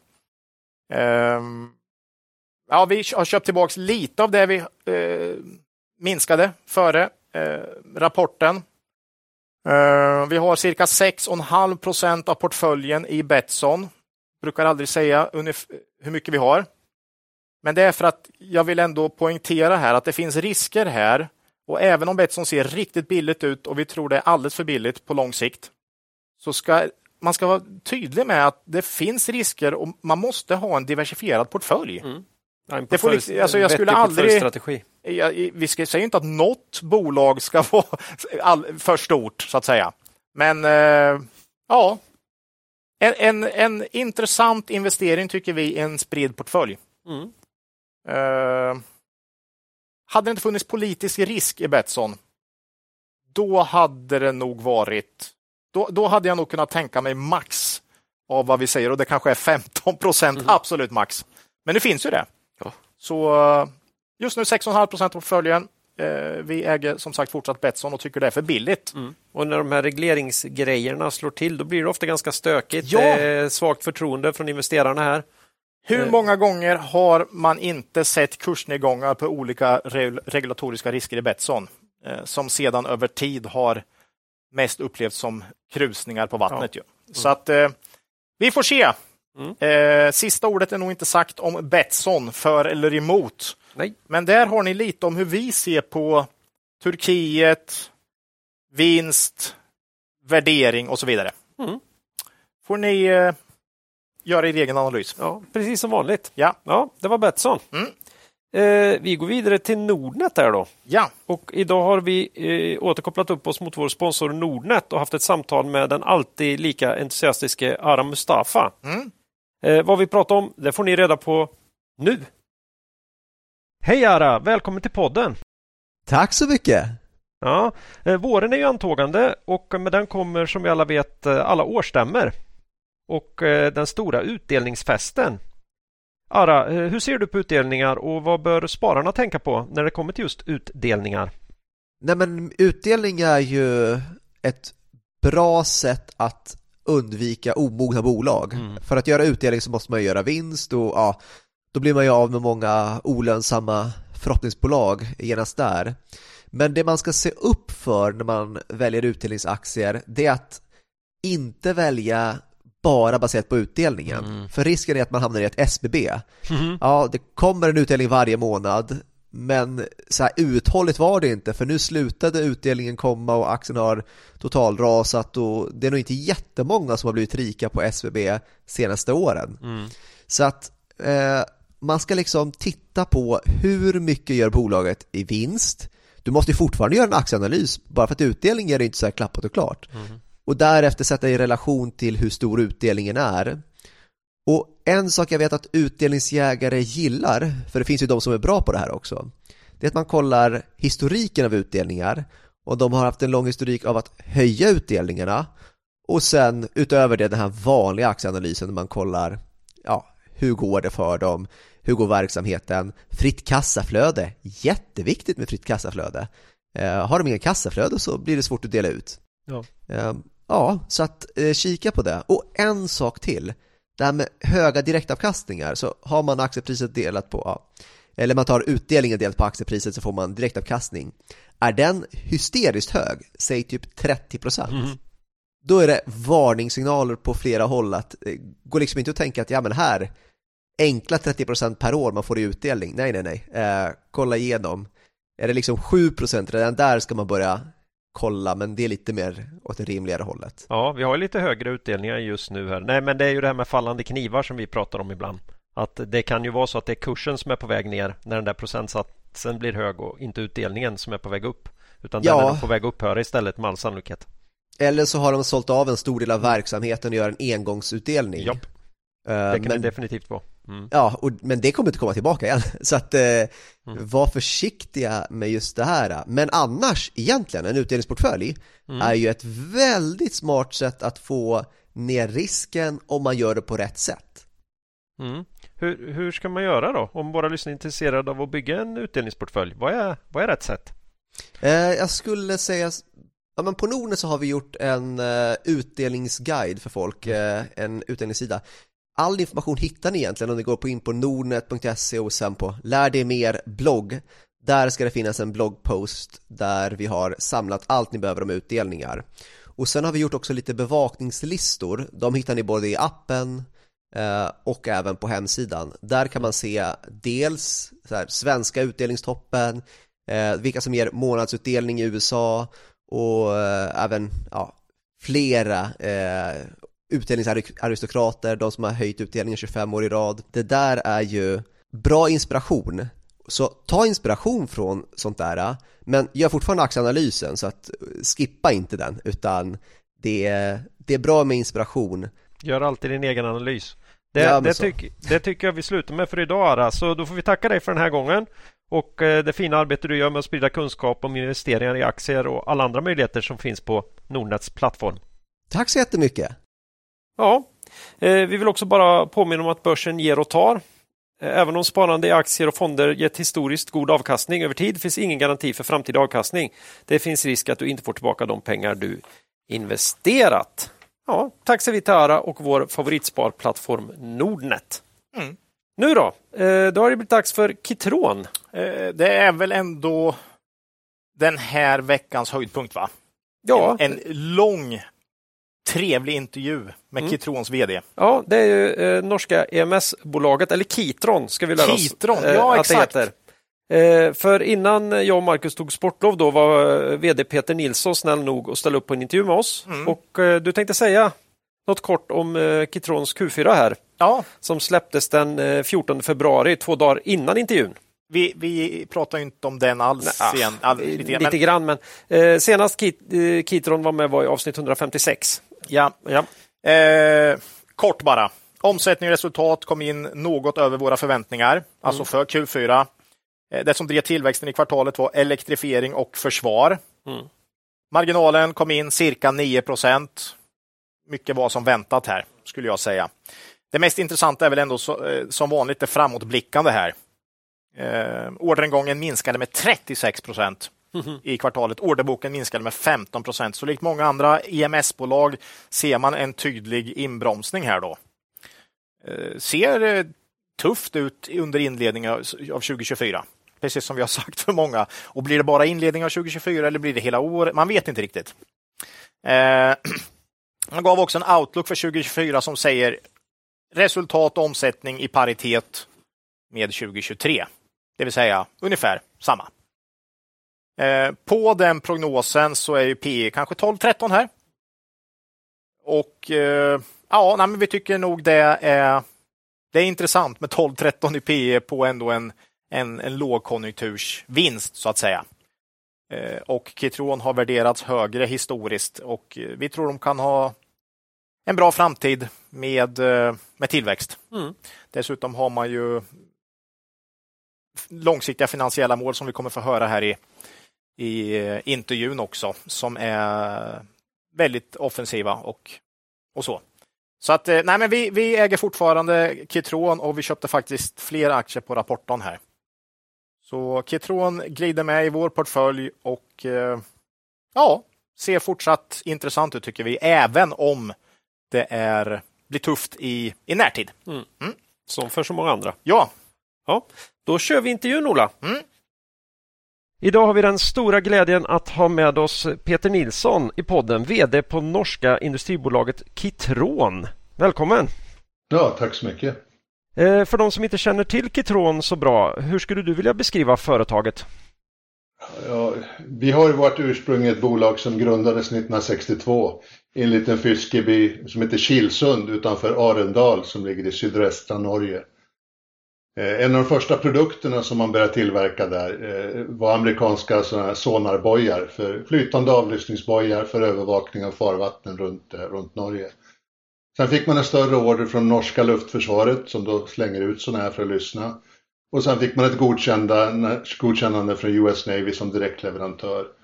Och därifrån då så växte bolaget från ett 50-tal till 200 anställda på ett par år. Sen följde det ju lite omstruktureringar i mitten på 70-talet och några fler förvärv och man förvärvades själv kanske. Och, ja, det var många olika svängar i bolagskonstruktionen. Innan man, innan man då till slut då 1996 börsnoterades på Oslobörsen under, under namnet Kitron. Och idag är vi en partner för produktion eh, av elektronik och tillhörande tjänster, eller EMS som vi kallar oss och som branschen idag benämns, eh, till, till många stora industribolag runt om i världen. Vi har vuxit från ungefär en och en halv miljard eh, för knappt för tio år sedan till knappt nio miljarder i omsättning i år, eller för 2023. Och i 2023 så utsågs vi också till den bäst avkastande investeringen på Oslo Börs de senaste tio åren. Wow! Idag har vi verksamhet i elva länder. Norge, Sverige, Danmark, Litauen, Tyskland, Polen, Tjeckien, Indien, Kina, Malaysia och USA. Huvudkontoret är fortfarande strax utanför Oslo i Norge. Ja. Så det är väl den korta beskrivningen på var vi kommer ifrån. Ja, och sen har vi en svensk VD då på det här norska bolaget. Du har ju varit VD här sedan 2014. Kan du beskriva ja. lite kring din bakgrund och hur, hur du hamnade på eh, Kitron? Ja, jag, efter studier i industriell ekonomi så, så började jag på Ericsson. Eh, och där jobbade jag i ungefär tio år eh, med en avslutning som produktionschef för Ericssons eh, verksamhet i USA. Jag klev av Ericsson runt 2001 kanske det var eller så. Och började på amerikanska SCI som tio månader senare förvärvades av Sanmina. Det blev Sanmina SCI. Och där spenderade jag sju år, två år i USA och sen så var jag ytterligare fem år i Sverige. Eh, som fabrikschef i USA, som VD för den svenska verksamheten i Sverige. Det var en period av eh, mycket omstrukturering och, och hela Sanmina-koncernen i, i, Norden hade, jag vet inte hur många, tiotalet eller mer fabriker eh, runt om i, i, Sverige och Finland. Eh, idag är det väl, eh, jag tror det är kvarfabriken i Örnsköldsvik som är kvar idag. Mm. Och de går bra, eh, följer dem och ser att det funkar, funkar bra för dem. Sen så, så följdes det en period på, på lite mindre bolaget från Småland, Remaster, jag var tre år och då var jag med på hemmaplan här uppe i Hälsingland på en verksamhet som de hade här. Eh, närmare familjen, närmare hemmet. Och sen så blev det dags att resa igen. Då rekryterades jag till Partnertech i Malmö eh, som, som ansvarig för elektronikdivisionen. Som hade haft det tufft i många år. Men som vi vände och fick att fungera bra. Och sen kom ju frågan om CEO-jobbet på Kitron. Eh, och det var ju början på 2014. Och då antog jag utmaningen. Det var en del som sa att det här är ett självmordsuppdrag Peter. Omsättningen var, var, var fallande. En tredjedel av omsättningen var från olja, gas, offshore-branschen. Och, och i, i, den perioden, 2011, 12, 13, då, då, det var ju massuppsägningar i Norge på, på den verksamheten. Alla de stora amerikanska bolagen och franska bolagen som var verksamma där, de omlokaliserade till Malaysia och till andra ställen. Och, och, och den där omsättningen, den försvann ju i princip. De 500 miljonerna som var en tredjedel, de försvann ju, så jag tror två år senare så var det 15 miljoner årsomsättning. Mm. Men allt det har då ersatts av mycket ny business och växt. Så idag är jag inne på mitt eh, tionde år på, på, på Kitron. Mm. Det, det, är en eh, lite intressant övergång till, vi, vi tänkte prata lite övergripande trender inom kontraktstillverkning först. Då. Och det, det, har varit mycket diskussioner på slutet om det här med nearshoring och att eh, liksom, produktion flyttar från Asien tillbaka till, till Europa och kanske framförallt ut från Kina. Liksom. Vad, hur ser ni på det? Vad, vad är det som driver det här? Först och främst så vill jag säga att, att kommentera våra fabriker i, i Kina. De, de, är fantastiskt duktiga, de är otroligt snabba, de håller, håller en, en hög teknisk nivå, kreativa och får de en utmaning då exekverar de på den på en gång. Eh, de är otroligt skickliga på att hantera resultat och balansräkning dessutom. Eh, men det räcker ju inte alla gånger utan det, då, då, kommer vi på sådana här trender, globala trender, vad det som händer eh, globalt sett. Teknologisk suveränitet pratar man om, regioner, länder vill se till att de har teknisk kompetens, att de håller på sin IP egentligen. Vi hade supply-kedjeproblem, Eh, stort sett inte så att säga från våra fabriker så mycket, men, men från marknaden generellt i Kina.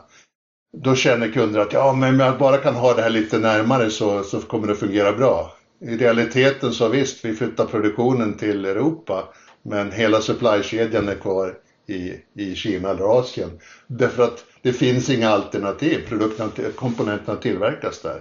Mekaniken tillverkas där. Det finns inte teknisk kompetens kanske att tillverka den typen av mekanik som sitter i deras produkter ens i Europa.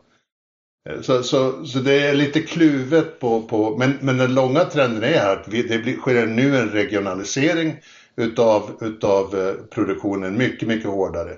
Också åt andra hållet. Om inte du har tillverkning i Kina så får inte ABB sälja sina produkter i Kina. Så får inte Atlas Copco sälja sina produkter i Kina. Så får inte Volvo Construction sälja sina produkter i Kina. Mycket hårt tryck från, från, från den lokala marknaden om regionalisering. Så vi har ett flöde som går åt det hållet. Och så har vi ett flöde som går tillbaks till Europa av, av andra skäl. En del produkter skulle aldrig ha flyttats till Kina. Volymerna var för små. Eh, det ekonomiska incitamentet blir, blir, blir alldeles för, för, för tufft och, och supplykedjan blir för sårbar. Alltså det, det, är svårt att få försörjning, säker försörjning av underleverantörer. Och de här flyttar tillbaks till Sverige. Andra kanske flyttar, när man säger nearshoring och närmare så kanske man flyttar mer till Centraleuropa. Där ser vi, det kommer de stora, eh, ja, 10 miljoner euro flyttas liksom. Kan ni köra det här i era fabrik i Europa? Sådana, medan de här kanske en halv till en miljon euro det är sånt som trillar tillbaks in i Sverige. Jag, jag vet att Notes VD pratade om att det här är inte en jättebra trend kanske för hela världen för det blir inte lika effektivt att flytta hem. Men att det var ganska bra för dem. Jag vet inte, hur ser ni på det just om man tittar snävt för Kitrons perspektiv? Liksom? Ja, men det, det, jag tror också att, det, att eh, det är fördelaktigt för oss. Jag tror vi behåller mycket av det som, som är på väg eh, bort från Kina. Sen får vi nya möjligheter på, på det som ska in till Kina. Samtidigt så får vi nya möjligheter på konkurrenters volymer som lämnar Kina där vi får frågan okej, okay, vi, eh, vill vi vara med och tillverka på dem? Så det är klart att det finns möjligheter. Jag har alltid tyckt att det varit bra med, med, med globalisering och, och, och, för oss har det betytt mycket för, för våran växt och verksamhet. Och, Eh, Eh, det är bra med konkurrens. Det är bra med många olika marknader. Man inspirerar varandra. Nu när vi har fabriker överallt så ser vi ju det. Vi är, vi är ett väldigt tight team och, och, och, och, jobbar tillsammans. Men det är ju, man ska ju ha klart för sig att det är varje månads resultat, varje kvartal, så är det en competition mellan, mellan, eh, mellan fabrikerna. Vem, vem ligger bäst till? Vem har bäst resultat? Vem har bäst avkastning? Om, om, vi tittar på en annan mer övergripande fråga så är det här förhållandet mellan kontraktstillverkarna och kunderna. De som är skeptiska till branschen brukar tala om att kontraktstillverkning är liksom resursproduktion i goda tider för att överbrygga flaskhalsar och sådär. Men andra hävdar att det är mer ett samarbete och ett partnerskap än vad det var tidigare. Hur, hur ser ni jag tror, det, jag, tror det, jag tror det beror på hur man profilerar sig helt enkelt. Eh, eh, vi har, vi, har, jag ska säga, vi har ingen produktion, vi skriver inga kontrakt med kunder som innebär att vi är någon slags eh, kapacitetslego. Det, det, det jobbar inte vi med alls utan, utan vi vinner produktionen, vi, vi, vi ser till att vi är single source på den produkt vi tillverkar. Vi, vi, jag är inte emot att de har konkurrenter inne. Vi kan vara tre konkurrenter som levererar till en och samma kund. Men vi, de produkter vi tillverkar, där är vi single source. Och sen får de gärna ha andra produkter hos andra konkurrenter så att vi ser att de får bra prissättning och det blir en konkurrens för dem. Och, eh, och, och sen tillverkar vi den produkten under hela sin livslängd, hela sin generation. Eh, I olika produkter så, så tar det på connectivity så kan det vara en ganska eh, snabb produktväxling, det kan vara sex månader på en produktlivscykel. Så ständigt så jobbar man med nästa generation medan man rampar Eh, Eh, existerande generation och fasar ut en generation. Så tre generationer kanske samtidigt på de produkterna. Eh, så där är det viktigt att man, att man är snabb, att man har kompetens kring produkten och, och kan stödja kunden. Och många kunder har ingen egen produktion, många kunder har ingen erfarenhet av produktion överhuvudtaget idag. Eh, sen har du då längre produktlivscykler där, där, där det sker mycket uppdateringar och det sker, det sker en, en kvalificering av kunden och produkten och produktionslinen. Och då pratar vi medical, vi pratar försvar eh, till exempel. Vi pratar även civil, civil eh, luftfart. Du, du kan inte ändra på någonting, det blir oerhört kostsamt. Och vilket är tråkigt ibland därför att du tillverkar grejerna i en gammal produktionslina som, din, som du skulle behöva uppdatera för det blir mycket, mycket billigare för både kunden och, och för oss. Så det, det är lite ett, ett, ett litet hinder där men sånt brukar vi komma runt. Ja. Det, det har ju varit ett högt tryck på branschen sista åren här och, och många har ju investerat ganska mycket i, i ökad kapacitet har vi sett eh, runt om i branschen. Finns det liksom risk för att branschen investerat för mycket här och det finns någon form av överkapacitet för närvarande? Ja, kortsiktigt så, så, så definitivt. När det går ner, vi ser ju ganska snabba nedgångar. Eh, inte, inte brett men, men, men på delar av marknaden. Eh, och, och, och, vi, håller, vi har ju hållit en jämn investeringstakt. Vår, vår, vår strategi investerar mellan 2 till 3 procent per år utav vår omsättning. Och det inkluderar när vi faktiskt bygger nya fabriker och utrustar de fabrikerna också. Det betyder att en gammal fabrik kanske ligger och investerar på 1 procent och en ny kanske på 3-4 procent. Mm. Så att det har varit normalt och det har vi klarat av då med, med en kagger på kanske 10 de senaste åren att fylla. Eh, och vi investerar ju för att vi vill kunna köra produktionen och fabriken på antingen 24-3 eller 24-5. Och sen så, sen så håller vi på tills vi ligger på 24-7. Ja, då investerar vi ju igen för vi måste ju då eh, skapa mer kapacitet men då temporärt också om, om inte, om inte eh, volymen faktiskt infinner sig så går vi ner och kan gå ner på 24-5, 24-3 istället. Ja. Det, det, det, är ganska dyra produktionslösningar att jobba på mycket skift. Just det. Eh, de här investeringarna, det är ganska mycket som sker i automation känns det som. Eh, mm. Och eh, är det liksom något som inträdesbarriärerna påverkas av? Det blir liksom större inträdesbarriärer i branschen än tidigare då det var mer manuellt? Eller vad känner du där? Ja, det är det. En modern produktionslina kanske kan kosta mellan 30 och 60 miljoner kronor beroende på, på hur man utrustar den. Det, det, eh, det börjar ju med, med skrintryckning och, det börjar, och 3D-avsyning eh, och, och, och sen så monterar man eh, och sen har du avsyning och sen så kan det vara tvättning, sen så kan det vara limning och det kan vara mer produktions och sen kan det vara Eh, conformal coating eller lackering av korten. Så att många av våra linjer är, är, utrustade på det sättet. Det är en helt lång process och då blir det väldigt kostsamt. Det där är ju tufft för en liten, en lit, ett litet bolag att ta. Och den jobbar oftast på kanske bara en lina. Den, har, den kan vara ny, men den har mycket begränsad monteringshastighet. Jag skulle säga att, att, att, eh, vi har ett exempel från, ett färskt exempel från Polen där vi, vi byggde en ny lina i höstas med en kapacitet att montera 3000, 300 000 komponenter i timmen. Eh, normalt så har vi linjer som gör 100 000 placeringar i timmen, som är jäkligt bra. Många konkurrenter kanske har 25 000. Och realiteten med, med små batcher, många setups-byten på ett skift, så får de ut ganska lite ur, ur, ur, ur, den linan. Men den här linan som vi byggde, där tog vi ett jobb som tog nio och en halv timme i våran gamla snabba, snabba lina. Nu tog den en och en halv timme. Eh, ja. Snacka om kostnadssänkning för kunden och jag menar, vinstökning för Kitron. Man försöker ju dela liksom på det här för det är en investering för oss att göra sådana här saker. Men det visar liksom hur mycket man, man, kan, man kan göra men det, då är det, det är dyra investeringar. Det borde mm. leda till någon form av ökad lönsamhet för er eller är det så att det är ganska kortsiktigt för sen kommer konkurrenterna i kapp med samma lösningar. Hur ser du på den dynamiken? Jag tror att det, det mesta som driver här är ju, är ju att hålla koll på, på, på OPEX överhuvudtaget. Ja. Eh, eh, för tio år sedan så hade vi, när jag började, 34 procent OPEX på, på, på, på koncernen och det har vi arbetat ner så att vi låg, jag tror vi låg på 17 procent. Det här är nog ingenting vi redovisar så mycket men jag räknade, vi räknade väl ut det här under slutet på året. Vi var nere på 17 procent förra året på OPEX. Och en del av det, ungefär 10 procent var okej okay, nu, nu, nu sätter vi fokus på att etablera kostnaderna i, låg, i lågkostnadsländer. Så det skedde en stor trans, trans, mycket resurser som flyttades från framförallt Norge men även från Sverige till Litauen. Mycket sånt där operativt inköp, call-off av komponenter från leverantörer. Eh, eh, vi, vi, vi växte på testutveckling och andra, andra tjänsteförsäljning som vi har i Litauen och hade liksom spetskompetensen i Norge och Sverige på de delarna.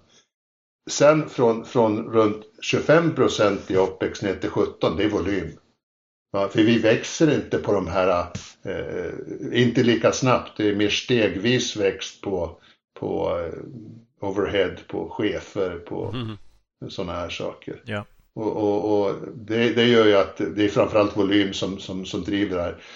Och, och, för marknadspriset är marknadspriset. Ja, ingen kan ta liksom mer än 600 kronor i timmen för montering i Sverige.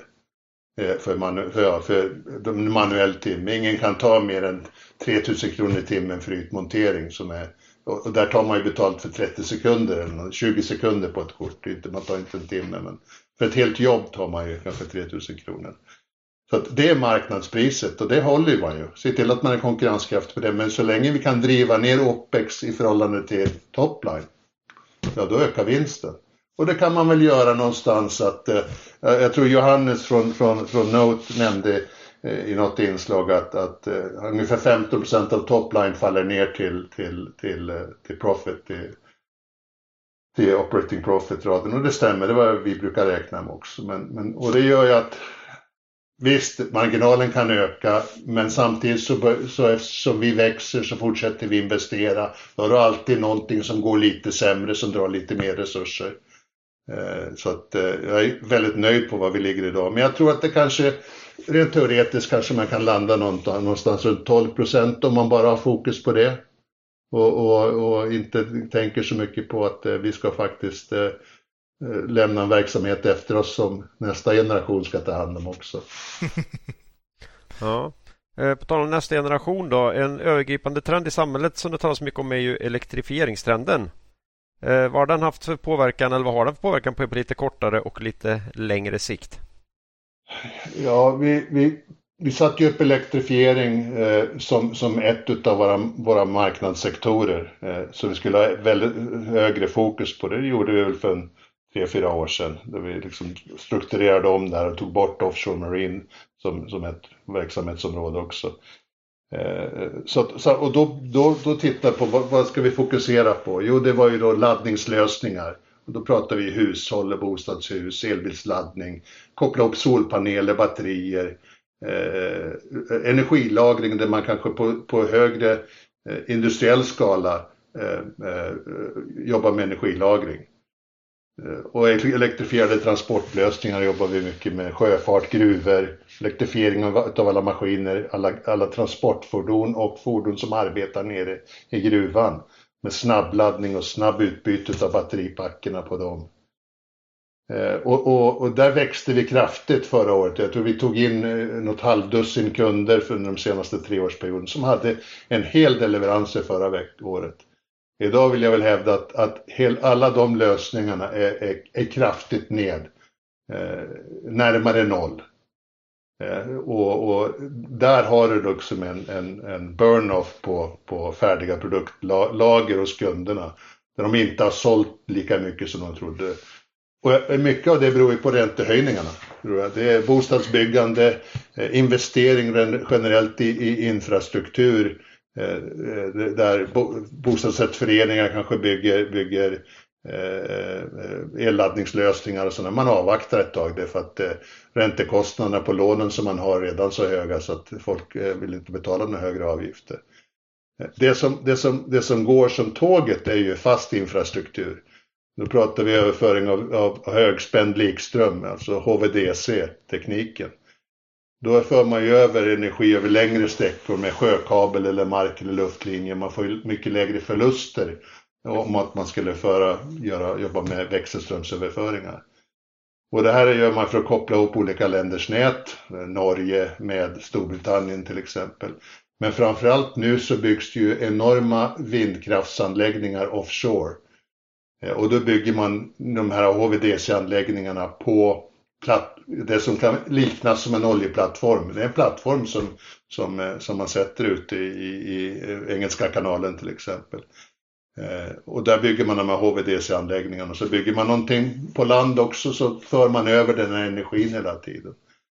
Eh, och det, det, det, här tror jag det här kommer att växa hela kommande tioårsperiod. Vi har en, en, en enorm utväxling på det här. Vi har läst om till exempel eh, Hitachi Power Grid Solutions i Ludvika som ska anställa 3500 personer till. Det är de här produkterna det.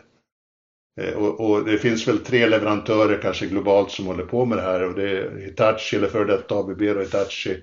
Eh, Power är ett, eh, du har ju GE i USA som har en division, du har Siemens i Europa. Och Samsung som håller på nu och försöker komma igång med någonting antar jag. Så det är en liten mix. På kort sikt så de här grön teknologi, ja det är lite paus på det. Eh, det måste komma tillbaks, lagren måste bort.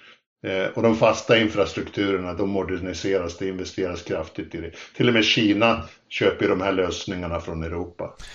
Om, om, vi hoppar in lite grann på nuläget då. Vi känner ju så att aktiemarknaden börjar omvärdera kontraktstillverkarna. Ja, till exempel Kitrona Note redan i maj 2023. Det var innan egentligen ledningarna i bolagen pratade om att någon nedgång. Så här. Var det lite förvånande eller hur kunde marknaden se nedgången egentligen före ledningen i bolagen? Tror jag jag tror att vi har ju fokus på, på vår strategi och kommande fem år. Eh, och det är alltid att leverera bättre och leverera mer och, och hålla våra höga resultat. Och, men, men det skedde ju en all, allmän multipelreduktion, inte bara i våran bransch utan i många branscher. Det är klart att man, man, eh, jag ser att det finns en del av de amerikanska konkurrenterna kanske som har en något högre multipel än idag, men, men eh, det där, marknaden bestämmer priset, vad ska jag säga? ja. Ja, multipelreduktionen kom ju därifrån. Ja, vi, vi, vi, kände ju bara att, att, att, det kom liksom i en situation där bolagen fortfarande var väldigt positiva till marknaden och så gick kurserna ner. Liksom, så.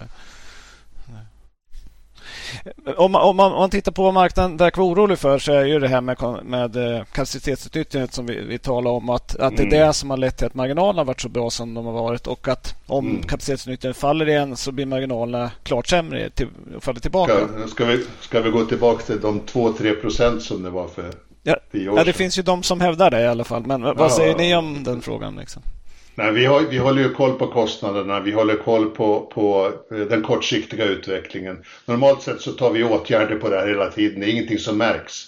Eh, vi har, vi har pendlat på vår fabrik i Litauen tidigare när vi haft kraftiga säsongsväxlingar mellan 500 och 1200 anställda. Eh, upp och ner mellan, mellan, mellan vår och höst till exempel. Nu har vi mer jämnare beläggning. Men vi tittar nu på hur ser det ut i Eh, vad vi jobbar med nu så är vi levererar Q1 nu, vi har, vi har siffror för Q1. Vi har tittat på hur ser utvecklingen ut i kvartal 2, vi tittar hur det ser ut i kvartal 3. Vi, vi tog fram planer för det här redan i, i, i budgetarbetet i höstas. Och nu tittar vi igen på det med fräscha ögon, okej. Okay. Eh, vad ska vi göra för någonting? Och, och vad vi än gör så ska vi göra det en gång och vi ska göra det hårt och det ska ge resultat på en gång. Eh, och de, de, som får vara med på den fortsatta resan, de ska tycka att det var skönt att de fick vara med. Det här med komponentbrist då, eh, det är något som eh, är det, no är det liksom något som ligger bakom oss nu eller är det fortfarande någon påverkan från det där? Och vi har, och vi har ett nytt problem med Suezkanal och så vidare. Ja, det som mest påverkar kanske trans transportkostnaderna, mm. Eh, av vad jag har sett. Eh, jag vill hävda att, att i mångt och mycket är den här komponentkrisen över. Eh, om man tittar på, på fakta så, så som mest tror jag vi hade 6500 komponenter som var eh, declared allocation. Det betyder att det är en prioritering på det som komponenterna nöjer sig. Det här är min prioriteringslista och det här är de som kommer att få komponenter. Eh, sen hade vi, sen hade vi eh, uppåt en 25 000 komponenter som produktnummer som var undeclared, hävdar vi. Därför att ledtiden var längre än ett år. Oj. Eller, led, eller ledtiden var oändlig. Vi kunde lägga en order men, och den var fast order som inte var cancellerbar. Eh, men vi fick inte veta när den kommer. Oj. Eh, det kallar vi för undeclared. Så det var närmare 30 000 produktnummer som, som, eh, som och det var en stor, mång, stor del av det vi höll på med. Eh, idag, idag så är det declared nere på 2000 från 6 500. Och då kan det vara, då kan det vara produkter som, som är, är på väg att bli last time buy. Eh, ur en wafer idag får man kanske ut 50 000 eh, komponenter med, med, med, med, med den förminskning som har sett, eh, skett på transistorer. Eh, det finns ju kvar produkter där du, där du liksom får ut eh, 24 komponenter ur en wafer. Och det är samma pris till kund på de här. Ska jag välja att tillverka 40-50 000 eller ska jag göra en panel på, på 12 eller 24 komponenter? Eller ska jag ha kvar den gamla teknologin som står och tar plats? Där volymen här på footprinten ut från fabrik, eh, eh, jag kan tjäna liksom mångdubbelt mer. Och då väljer man egentligen att säga okej, okay, vi, vi tar bort det här och då påverkar framförallt Automotive har det påverkat en hel del, men det, det håller inte vi på med. På försvarssidan. Eh, och, och, och, där har vi gjort in, inköp tillsammans med våra kunder för kommande 3-4 år. Apropå kunderna då, eh, er branschkollega Note här har talat om att vissa kunder har, har ganska stora lager och att deras beställningar till, till just Note är lägre än vad kunderna säljer på marknaden, liksom då de betar av sitt lager. Eh, gäller det här, är det något ni också ser i dagsläget? Ja, ja, ja jo, definitivt. Det kommer tillbaka till lite grann det jag pratade om, om, mm. om grön, grön teknologi tidigare. Där ser jag att det är, är mycket stora lager. Eh, och, och räknar med att, att där kommer det kanske ta hela det här året. Ja.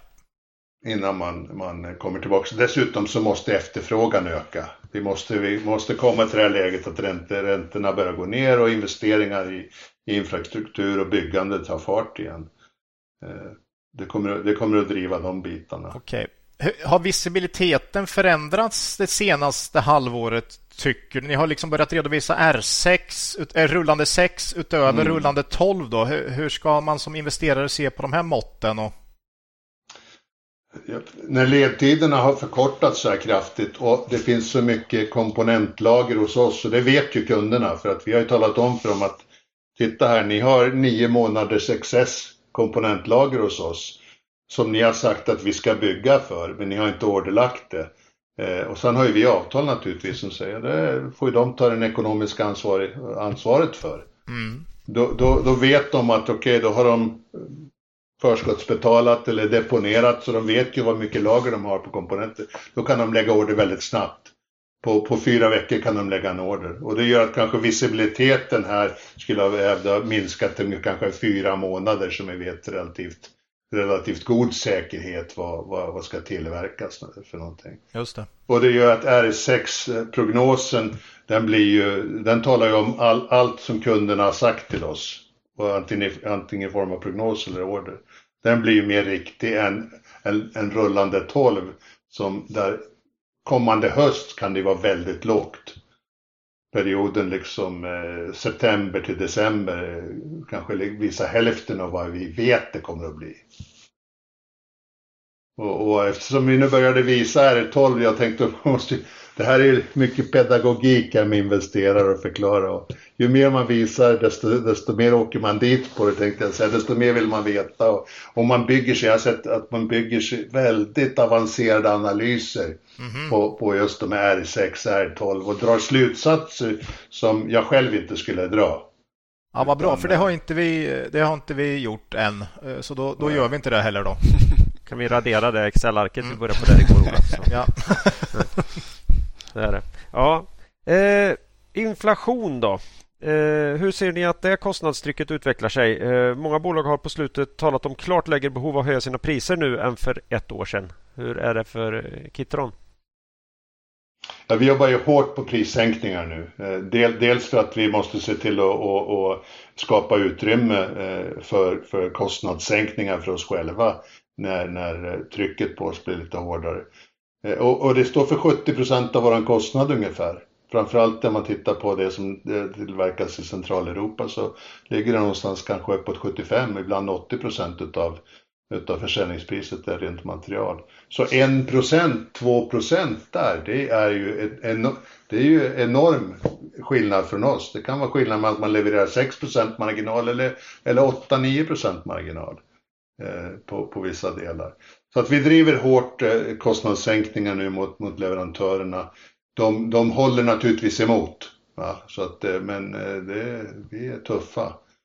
Och vi har ju vi har jobbat med ett, med ett partnerskapsprogram med, med ungefär 20 av våra största leverantörer. De står för ungefär 55 procent av våra inköp.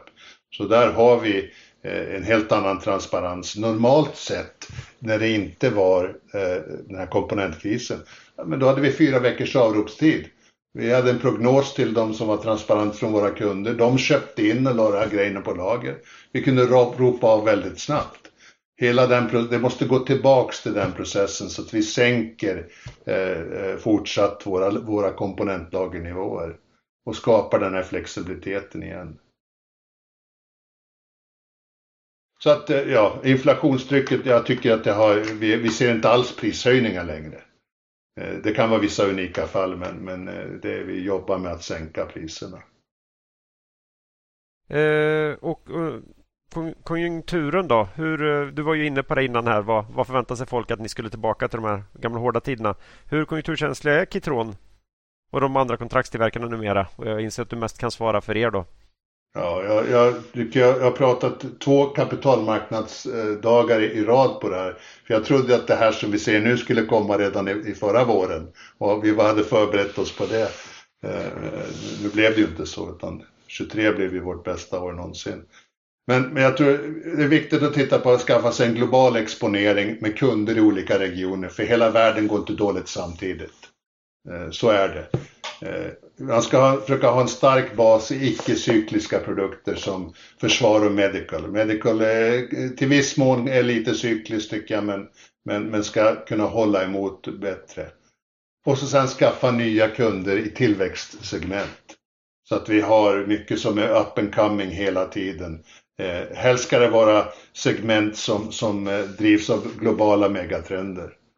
Och, och, och, även om vi nu ser att det är tufft här på, på grön teknologi just nu så är det ju någonting som naturligtvis inte är borta för alltid. Utan eh, det kommer så, så fort konjunkturen vänder då kommer det här tillbaka. Och så måste vi säkerställa där, där vi har kunder som är i konsumentsegmenten. Då ska de här konsumenterna vara köpstarka. Det ska vara liksom en efterfrågan som inte försvinner på en gång. Och ett exempel skulle kunna vara så, produkter som jag tycker är fantastiskt bra är, är ju, är ju är Husqvarnas Automove-lösningar. Eh, både för professionellt och, och, och på privatbruk. Relativt kostsam investering, dyr produkt kanske för, för, för, en konsument. Men den konsument som köper de här, ja men han kanske köper i goda tider och i dåliga tider. Det spelar kanske lite mindre, mindre roll. Eh, eh mer prisokänsliga komponenter. Ja, jobbigt att börja gå för hand igen när man har vant sig vid det där. Alltså. Det, det var en bra övergång där, för vi tänkte gå in på kunderna lite grann. Eh, hur, hur går det till när ni tar nya kunder? Liksom? Hur bedriver ni säljarbetet? Ja, först och främst så, så definierar vi i vår strategi varje år eh, vilka områden som är viktiga för oss. Var ser vi tillväxt? Var skulle vi vilja vara med nästkommande tre till fem år? Eh, vilka områden är det? Och sen så börjar vi jobba med att, eh, med att eh, eh, det plingade till här så för det stänga det där fönstret. Eh, eh, och, sen, och sen så börjar vi jobba med att hitta kunder i, i de olika regionerna. Och då är det ju Sverige, Sverige Norge, Danmark, Tyskland eh, primärt i, i, i, i, eh, i Europa. Där vi och jobbar likadant i USA, eh, fokuserat mot de kundområdena.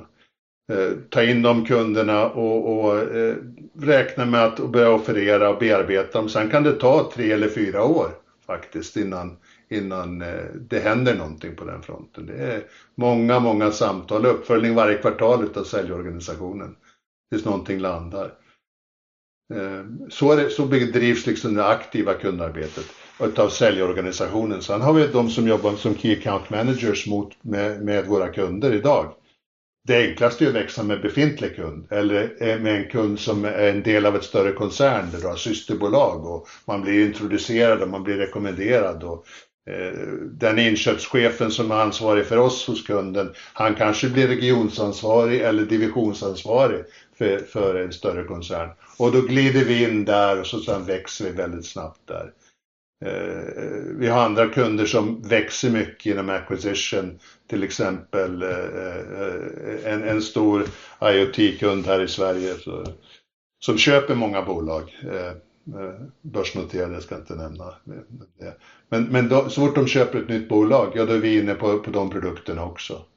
Så att, eh, både liksom den internförsäljningen är oerhört viktig. Jag tror vi kanske kan växa Eh, vårt mål är att växa 10% per år, men vi säger att vi försöker växa 10% med befintliga kunder. Vi växer 5% med nya kunder. Och så sen så har du ett netto där en del faller bort, en del generationer dör ut kanske. Någon kund blir för liten så det är inte bra för dem att vara med Kitron längre. Eh, och, och, då, men har vi den strategin då ska vi klara 10 det, det, var lite intressant för vår nästa fråga var just den här med, med tillväxt från nya och befintliga kunder. Men nu har du nästan svarat på den. Så jag hoppar vidare istället till det här med kund, hur pass kundspecifika är fabrikerna. Liksom? Kan man lätt flytta produktion mellan olika kundorder, mellan olika fabriker? Liksom? Hur? Mm, mm, mm. Eh, Sverige, Norge, USA där är man lite unik därför där tillverkar man försvarsutrustning. Eh, man flyttar inte gärna försvarsutrustning, produktion av det till, till, eh, till andra länder. Det är möjligtvis det vi håller på att titta på nu är framförallt in mellan NATO-länderna. Kan vi göra någonting mellan NATO-länderna och använda, för nu har vi ju Danmark, Litauen, Polen till exempel, Tjeckien, alla är ju NATO-länder så ses att vi kan utöka en del kapacitet och, och, komma igång ännu snabbare. Men annars är det så att vår strategi är att vi har samma IT-system överallt. Eh, eh, det drivs centralt. Vi har en, en sourcing-organisation som förhandlar alla avtal globalt.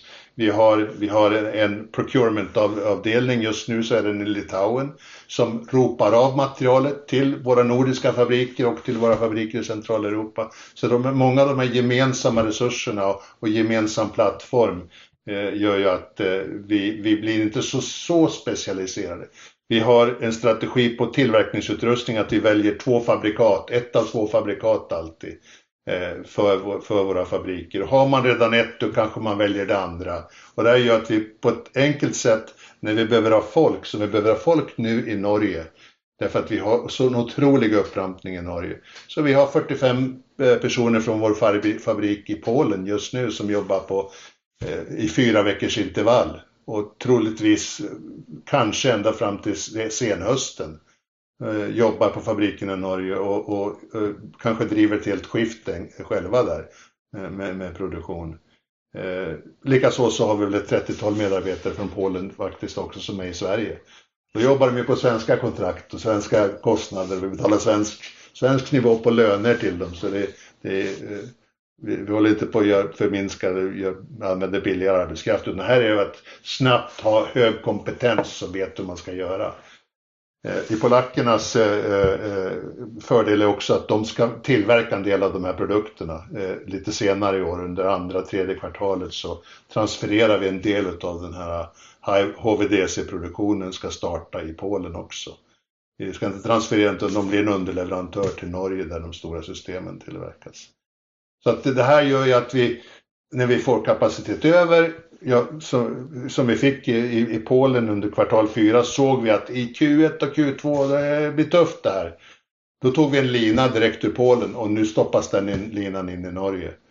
Eh, och så nu, människorna faktiskt kom också då med, med den svängen.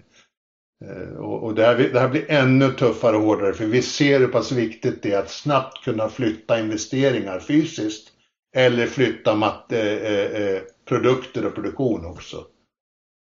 Båda delarna är viktiga och när vi bara liksom lånar in folk, då ska de ju vara utbildade på rätt maskin och inte ha någon helt egen lösning. Eh, en annan fråga här som vi ofta tycker är ganska viktig som investerare är liksom hur kundberoende man är.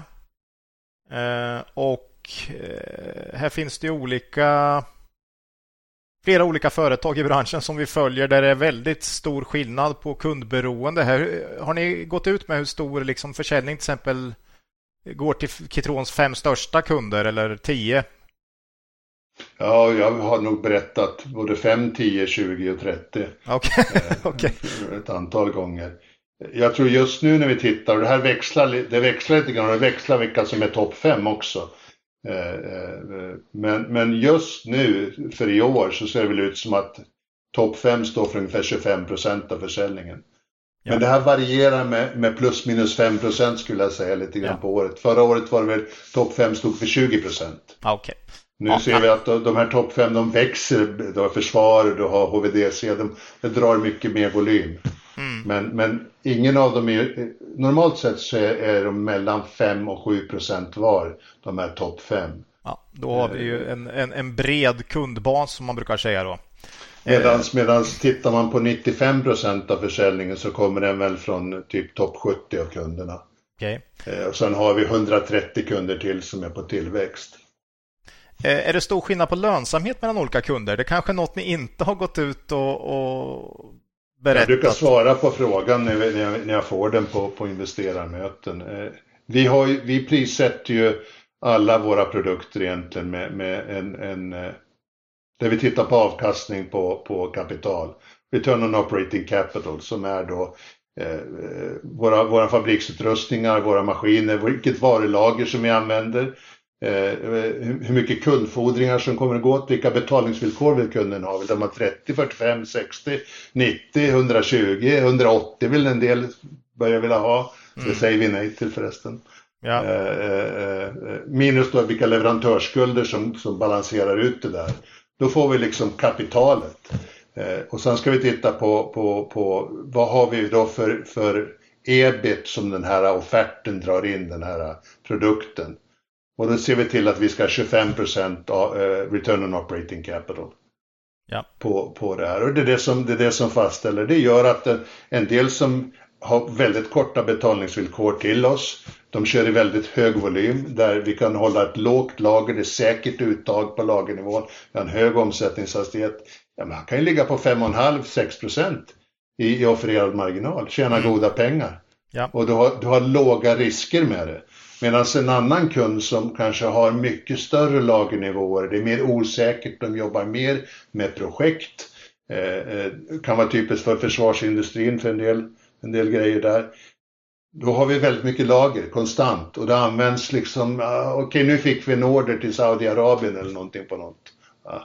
Då, då, eh, då har vi högre lagernivåer. Vi ska fortfarande 25 rock.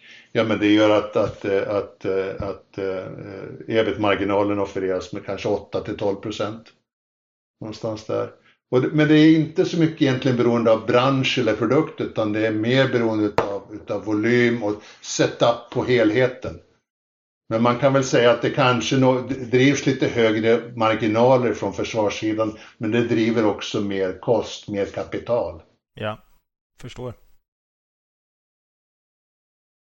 Och då, det gör det enkelt att förhandla med kunder förresten. Åh, nej men jag ska ha 4% marginal. Det är liksom, det var, du har en konkurrent där. Jag säger, men vi tittar på return on operating capital. Du vill ha 120 dagar. Du vill ha fyra veckors färdigvarulager. Du vill att vi ska hålla två månaders extra komponentlager. Alla de sakerna kostar pengar. Eh, kundomsättningen då eh, för Kitron? Hur pass ofta tappar ni kunduppdrag och när det sker, vad är orsaken?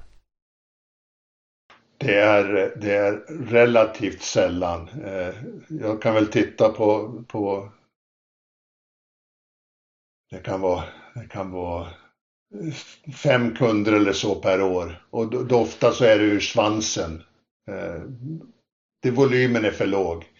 Eh, vi tog in de här kunderna, det, det fanns en plan på att de skulle växa och, och en omsättning på 25-30 miljoner kronor om, om två eller tre år. Eh, det stannar på två eller tre miljoner kronor, 200 000 euro. Det blir för kostsamt för oss i vår organisation att, att hantera det. Eh, vi är inte nöjda, de är aldrig nöjda heller därför att de vill ha ännu mer fokus och känna sig som kungar. Eh, och det, och det är tufft och, och i vissa fall rekommenderar jag dem att, att eh, eh, det är kanske bättre att ha en lokal leverantör närmare, närmare hemmet och närmare Sverige. Men, och i vissa fall så händer det. Sen har vi andra kunder som vi är glada att bli av med därför att de är dåliga på att betala. Men det är ändå, det är ofta mindre kunder, vi har inte, det händer inte särskilt mycket på den, den stora kundfronten. Ja. Eh, konkurrenterna då? Eh, vilka ser du som era största konkurrenter och vad har ni för eh, USP i förhållande till dem? Mm. Ja, i Europa träffar vi ju på våra nordiska konkurrenter men även Solner, Flex, Jable, Plexus, Sanmina eh, har ju verksamhet runt om i Europa. Sanmina har ju en fabrik i Sverige till exempel så de är ju med och, och konkurrerar både på medtech, det är ju, de är medtech specialiserade.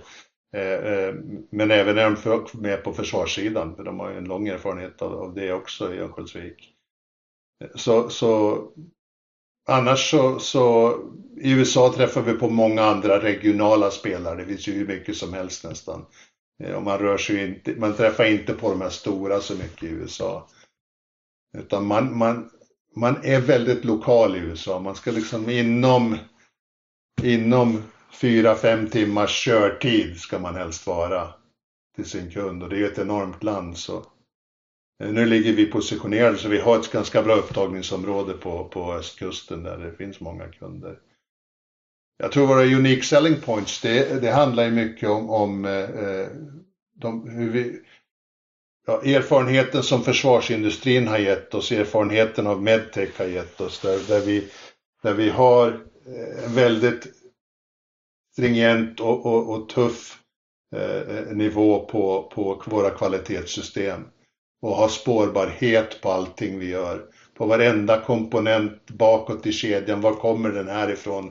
Hur många andra från den här batchen sitter på slutprodukten? Och vi kan spåra det ända ut till, till på marknaden. Och händer någonting, då vet kunden det, att, det, att vi klarar av att göra det. Vi klarar också att spåra, vem satte den här komponenten? Vem har rört den här produkten? Eh, de, de kraven kommer ju från försvarssidan eh, eller medicinsidan. Eh, att, att, klara av eh, eh certifieringar från amerikanska FDA när de kommer in och gör sina surprise audits och är på fabriken i tre dagar och går igenom allting. Eh, eh, eh, är ju också otroligt tufft och många svenska kunder skulle inte klara, klara sig utan oss i, i, i, i de bitarna. Därför vi sitter på mycket av dokumentationen där kunderna kanske ja, de har blivit laxa helt enkelt och, och, och, och har inte samma kontroll som vi måste ha. Därför att eh, blir vi stoppade eller då, då stoppas ju alltihopa på, på fabriken från, för, för eh, från USA-marknaden till exempel. Så det, det ger oss en, en, nivå. Sen ska vi inte prata så mycket om cyber, men vi har eh, stora, stora investeringar i cybersäkerhet och, och, och certifieringar eh, eh från både eh, USA och eh, europeiska institutioner som certifierar på de här standarderna och det är krav igen då från amerikansk försvarsindustri. Där vi har startat med det här i Norge men nu finns det spritt som en, som en över hela Kitron. En, en, fråga som, som var lite aktuell, när, särskilt när inflationen drog iväg, var ju hur långa kundavtal man hade och om man var skyddad mot prishöjningar som kommer.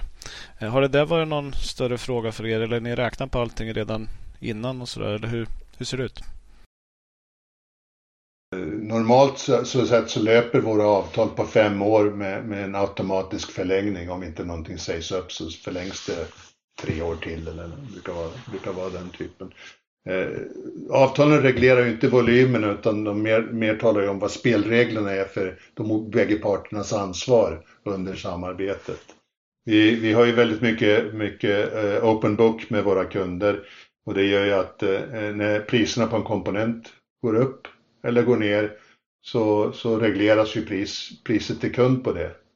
Eh, och det är en del av det här med att vara transparent och säga vi jobbar med return on operating capital, det är det, så vi ska tjäna våra pengar och inte på, på, på eh, annat än det. Eh, så att eh, det finns en del avtal, visst, på för långa avtal på, på försvarssidan. Men, men då säkrar man sig på en helt annan nivå när det gäller framförallt valuta.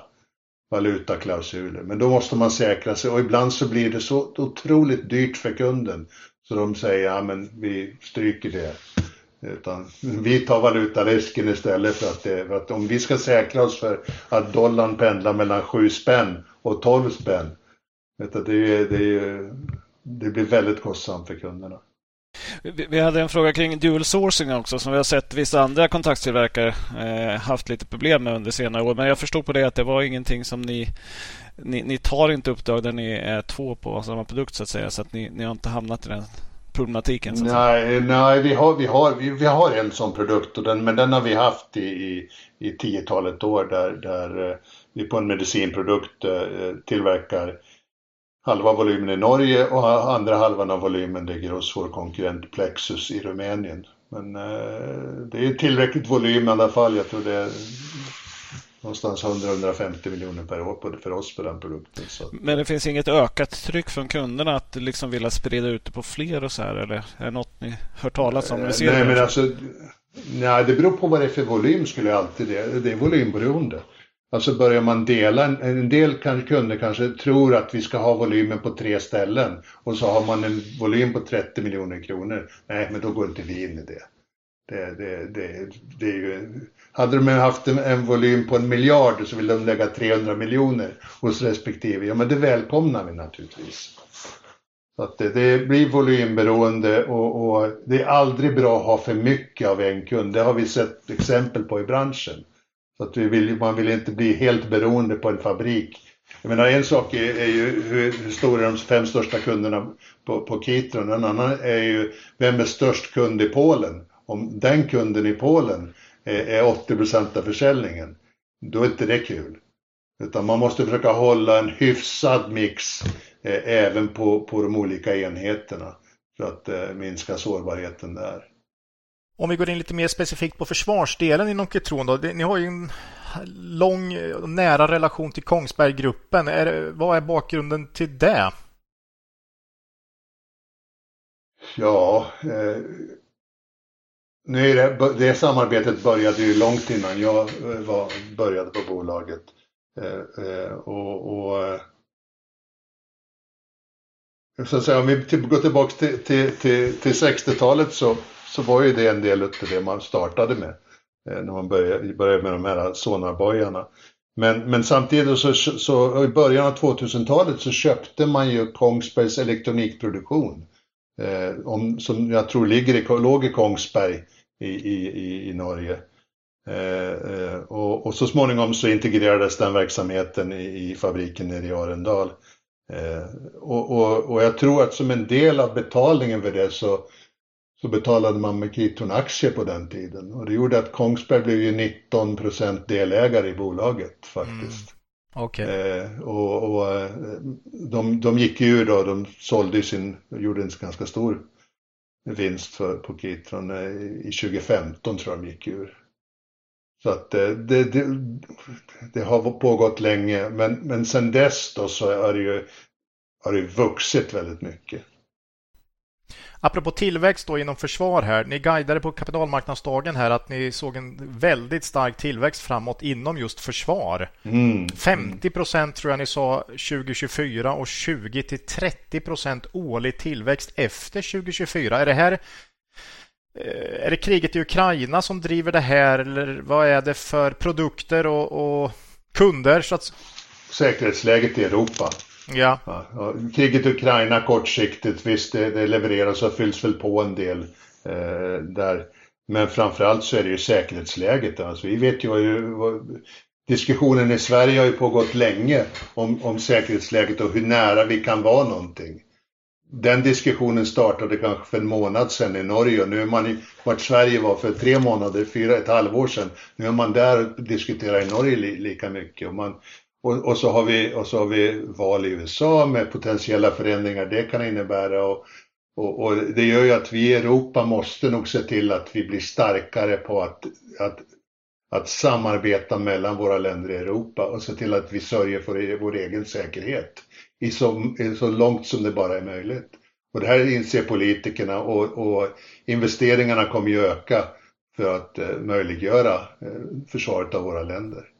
Vad är det för typ av produkter Kitron tillverkar eller är det hemligt? Ja, det, det, vi tillverkar elektronik. Härligt. Det, bara... det, det, sitter i många utav produkterna. Men om, om vi ska titta på det absolut största segmentet så är det kommunikation. Okay. Då pratar, pratar vi om radar och surveillance, vi pratar om, om truppradio, eh, den typen. Det är absolut största delen av pengarna går, kommer, kommer från det, de delarna. Vi, eh, vi eh, laddar ju ingenting själva så vi, vi säger vi levererar ingenting som smäller men, men vi levererar, vi bygger ju elektronik och det kan ju vara guidance-system och, och, mm. och radar, IR-radarsystem som sitter på flyg och på annat. Hur, hur pass många olika kunder har man här i det här segmentet då, Kitron? Ja, det kan vara 15-20 eh, kunder. Okay. Störst, ja. störst är naturligtvis är ju, är ju Kongsberg och följs av, följs utav, eh, utav Saab-koncernen och, och eh, Ja, det är ju kända, vi, kända spelare. Ja, sen, ja, sen så är det ju är det, de nordamerikanska Northrop, Lockheed, eh, Harris, eh, eh, tyskarna är ju med också. Ja. Och sen har vi ett gäng mindre mycket mindre underleverantörer till, till, till eh, de stora integratörerna i USA. Som är, de integratörerna är ju, är ju Raytheon och, och, och, och Lockheed. Som levererar, ja, det kan vara drönarteknologier och sånt där som vi kör lite grann i USA. Uh, här, uh, mina barn tycker inte om när jag ställer ledande frågor eller heller retoriska frågor nästan, men här kommer en, en sån då. Kan det vara så att inträdesbarriärerna är högre på försvarsdelen än andra delar? Eh, för, för att de skulle gå till en konkurrent så att säga när man väl har inlett ett samarbete med er? Ja, för att, bli, för att bli en framgångsrik leverantör här så måste man ju visa att man är seriös och att man vill engagera sig på väldigt lång sikt. Man, man, måste ha en plan för sin verksamhet och för sitt bolag som, som passar in på hur världen ser ut och hur världen kommer att förändras. Och man kan liksom sälja det här, att man förstår vad man måste göra. Eh, sen har du ju då regler och rutiner med komplicerade krav när man säljer till, till, till försvaren eller till inköpsbolagen som i Sverige har vi FMV som sköter upphandlingarna. Eh, de, det, det, krävs en transparens. Man tittar, vi, vi har ju, vi har ju och, och, och revisorer som kommer från amerikanska försvarsmyndigheter till våra fabriker eh, och gör en fullständig revision på kostnaderna. Och tittar kostnaderna, de, de stackas upp och, och, och stämmer överens med det som vi sen tar ut i våra priser. De bryr sig mindre om vad marginalen är, utan vi får ta ut vilken marginal vi vill. Men, men kostnaderna Eftersom vi har kostplus lite grann, va? eller ganska mycket. De ska stämma och, och eh, eh här om året så, så när vi hade en sån här revision, nu är det väl ganska många år sedan, fem sex år sedan. Då vet man att då slog man ner på att, eh, att eh, vdn i Norge, hans tjänstebil, bränslet till den, det fick inte vara med i kostnaderna. Och det var väl det de anmärkte på. I den detaljen går man in. De var ju där med 20 man eller något sånt där i veckor. Eh, det är ju en sak, så att man måste ha den här transparensen och, och, och kunna redovisa de här sakerna. Sen är det eh, säkerhetskraven, eh, skydd mot cyberattacker, följa alla, alla de lagarna och reglerna strikt. Vi, vi har ju också både inre och yttre skalskydd på våra anläggningar. Vi måste ha en, en geografisk placering så att vi finns nära de marknaderna vi verkar. Så, och man ska kunna verka över liksom, den transatlantiska sfären. Vi har ju det med vår fabrik i USA som gör att det skapar många affärsmöjligheter för oss att vara med på produkter och volymer. Som, utan den skulle vi inte haft den möjligheten. Så det här är kanske inte, kanske inte ens bara en barriär utan det är till och med så bra så att det kan vara en fördel för er att snabbare kunna ta nya försvarskunder. Ja, ja så är det. Så är det. det, det vi, vi, är med, vi, vi, är med i samma forum där vi träffar Eh, alla de här. Vi, två gånger per år är vi med på de stora amerikanska försvarskonferenserna, en som är på våren. Eh, eh, sea Air Space eller Navy League som det också kallas och så sen AUSA som är arméns på hösten. Och där är ju alla stora både potentiella kunder och, och, och politiker och inköpare från olika delar. Så att, det är viktigt att, att ha det nätverket. Mm. En, en, en lit, ja, jag har bara en liten personlig eh, fråga här. Eh, det har ju ändrats väldigt sentimentet runt hur man ser på försvarsindustri. Hur, hur har det känts för er? Jag har ju tyckt, vi bor ju i Linköping där Saab finns och man har ju tyckt det är ju märkligt att man inte kan skilja liksom på olika typer av att försvar är försvar och folk som håller på med anfallskrig det är andra så att säga. Hur, hur, hur, känns, hur, hur känns det för er? Jag, känns det bra? Ja, ja, ja, ja det, det, känns ju bättre nu än vad det var tidigare. Men det finns ju fortfarande kanske en del fonder som, som, eh, som eh, har haft en 20% regel. De ska inte investera liksom i, med, vi får inte ha mer än 20% försvar. Men då brukar vi redogöra för dem så här mycket faktiskt ren, bara, ren kommunikation. Det här, är, det här är ren surveillance, det här är radarsystem som, som bara övervakar. De är inte, de, de är inte eldledande system ens. Eh, och, och, eh, och, dessutom som, som säkerhetsläget har ändrats i Europa så har många sett, ja men vad, vi, vi klassificerar om. Eller vi, vi, vi ska vara med och investera i det här för det är viktigt för oss också. Ni, ni hade en Q4-rapport eh, nyligen här i, i onsdagen den 14 februari. Vi, vi, ska inte gå in i detalj på den, men, men ni lämnade en prognos för 2024. Omsättning ungefär 750 miljoner euro i mitten av intervallet. Det är minus 3,2 procent från 2023. Vad är största orsaken till det här? Jag tror det är, det är, det är nedgångar på, på, på eh, den gröna teknologin. Det är nedgångar inom connectivity där vi har kortare ledtider där en del kunder också har byggt upp färdigvarulager på sina produkter. Där tror jag att de kommer att, att eh, leverera. Jag tror att till halvårsskiftet så borde de kunderna vara i fas. Det är fleet management till exempel där man trackar produkter, maskiner, utrustningar det finns många olika branscher där man sätter en sån här spårningsutrustning på, på eh, en shipping container eller på en grävmaskin eller eh, när, när, du, när, du hyr, när du går och hyr en, en maskin någonstans på en sån här maskinuthyrningsföretag eh, så sitter det någonstans som spårar så att man kan hålla reda på vad prylarna är. Mycket av den branschen hänger samman med byggbranschen. Och, och när den går ner så köper man in färre maskiner och säljer man, ja, då, säljer, då tillverkar vi färre sådana utrustningar och spårar det. Så att, eh. ni, ni, ni talar i rapporten om det var stable demand in the first half with an expectation for a pickup in the latter half of the year. Är den här uppgången som ni ser, är det liksom en effekt av sänkta räntor och en förhoppning om att det hjälper eller är det att lagerneddragningarna är klara? Liksom? Nej, jag tror vi ser, vi, om vi börjar med att titta på R12 som jag tror var 600 Eh, 70 miljoner eller något sånt där. Och så, så tittade på R6 som var 386 miljoner. Om man tar R6, R12 minus R6 då ser det i andra halvåret ut bara vara runt 270 miljoner. Det är inte realistiskt. Utan, utan, utan vi vet ju att det kommer in mer och att det kommer, kommer in mer, stö, stö, mer än vad vi ser idag. Sen hoppas vi att det kommer in ännu mer. Så att, eh, så att vi, vi åtminstone kan ligga på mittpunkten av guidingen. Eh, och då, då ska ju räntorna börja falla, då ska liksom återaktiveras eh, en del av de här sakerna. Men rullar vi på som vi har idag, ja då blir det ungefär som vi, vi förhoppningsvis, så, vi räknar med att vi kan rulla på som vi, vi gör idag. Då ska vi bara, då ska bara bli backfill utav eh, vi har inte allt försvar kommit in. Vi har ju, och varför har vi inte det? Jo, därför att vi har komponenterna på hyllan. Så jag order, mycket order i första halvåret. Eh, och vi väntar oss att vi ska få in mer order i andra halvåret. Och det finns ingen anledning att det ska gå ner. Eh, vi, prat, vi, vi pratar också med våra kunder för en del försvarssidan säger att ja, vi har inte kapacitet att öka mer. Men det kan vi hjälpa er med.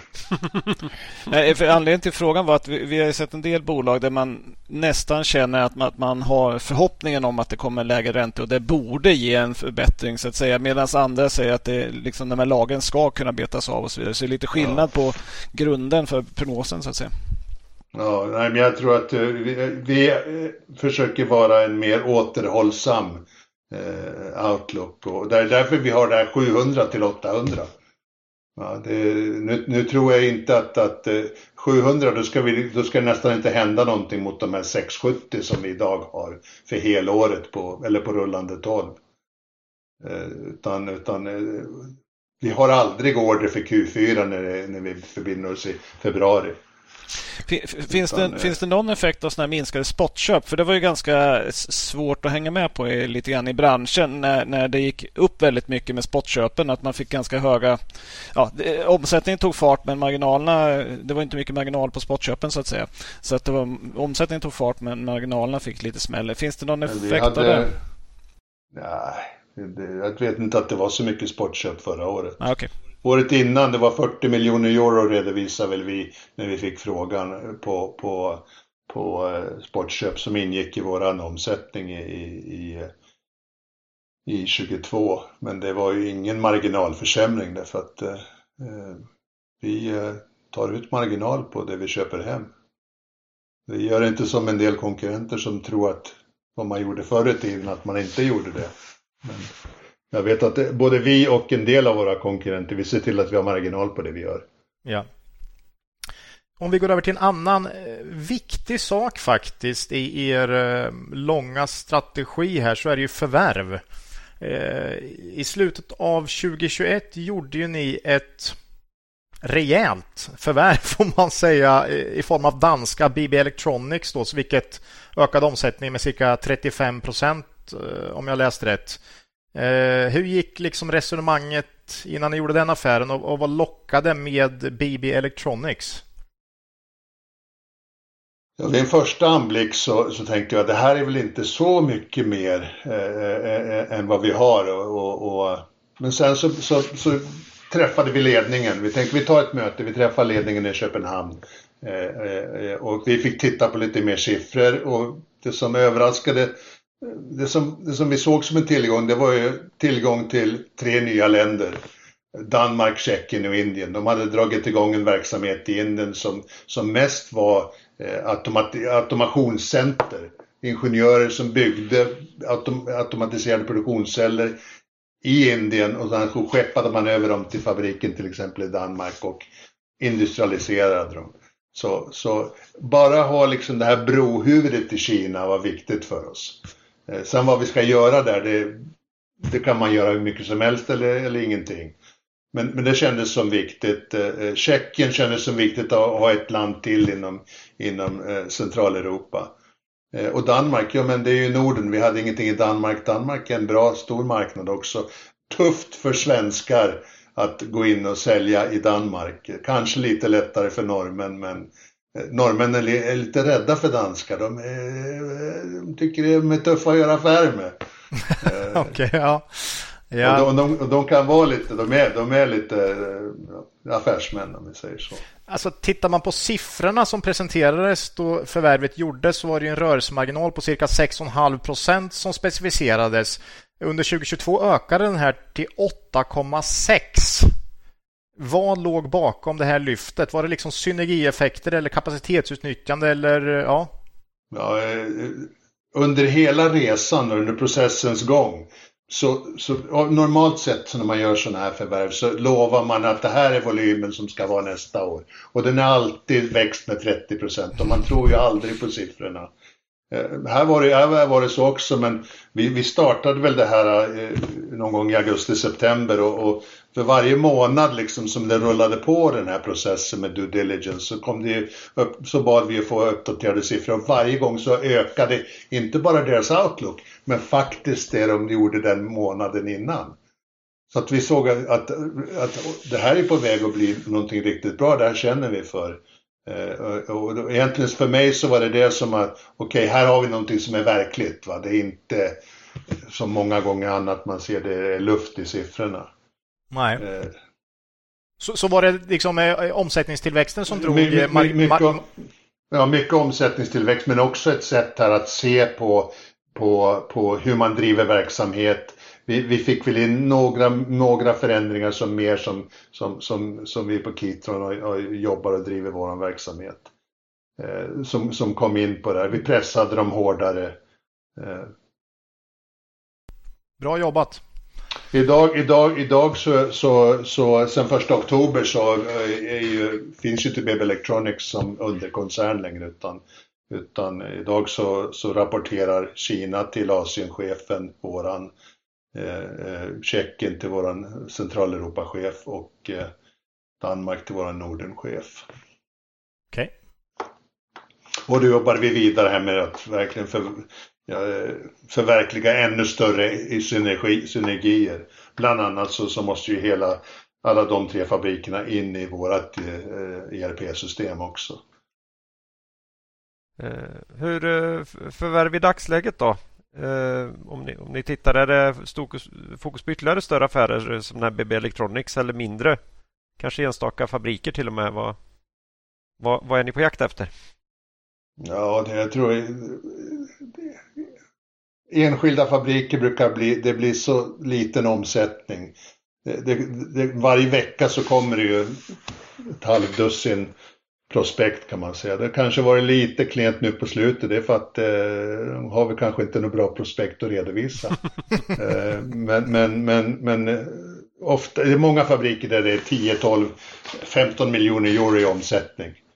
Och, och eh, det känns som att det kan vi ta på en affär. Vi har många sådana affärer rullande. Ska vi ta på oss en ny fabrik och så sen så är det skakigt med omsättningen och, och så har de, är de underinvesterade och så behöver de ha kapitaltillskott. Det är därför de söker, eh, söker sig till oss. Men det, det, var en av orsakerna till att BB var där också.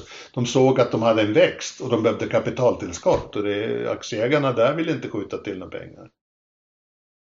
Eh, så att det, det, då, är, då är vi tveksamma till, det, det blir inte några affärer tror jag på någon en, enskild fabrik. Eh, jag tror vi är lite försiktiga på carve-outs också. Eh, men däremot en, en, en mindre koncern, ja varför inte? Det ska vara lite rejäl försäljning så att framförallt det som är viktigt för oss det är att vi ser att oavsett hur vi finansierar den affären så ska, så ska vi ha en positiv påverkan på EPS.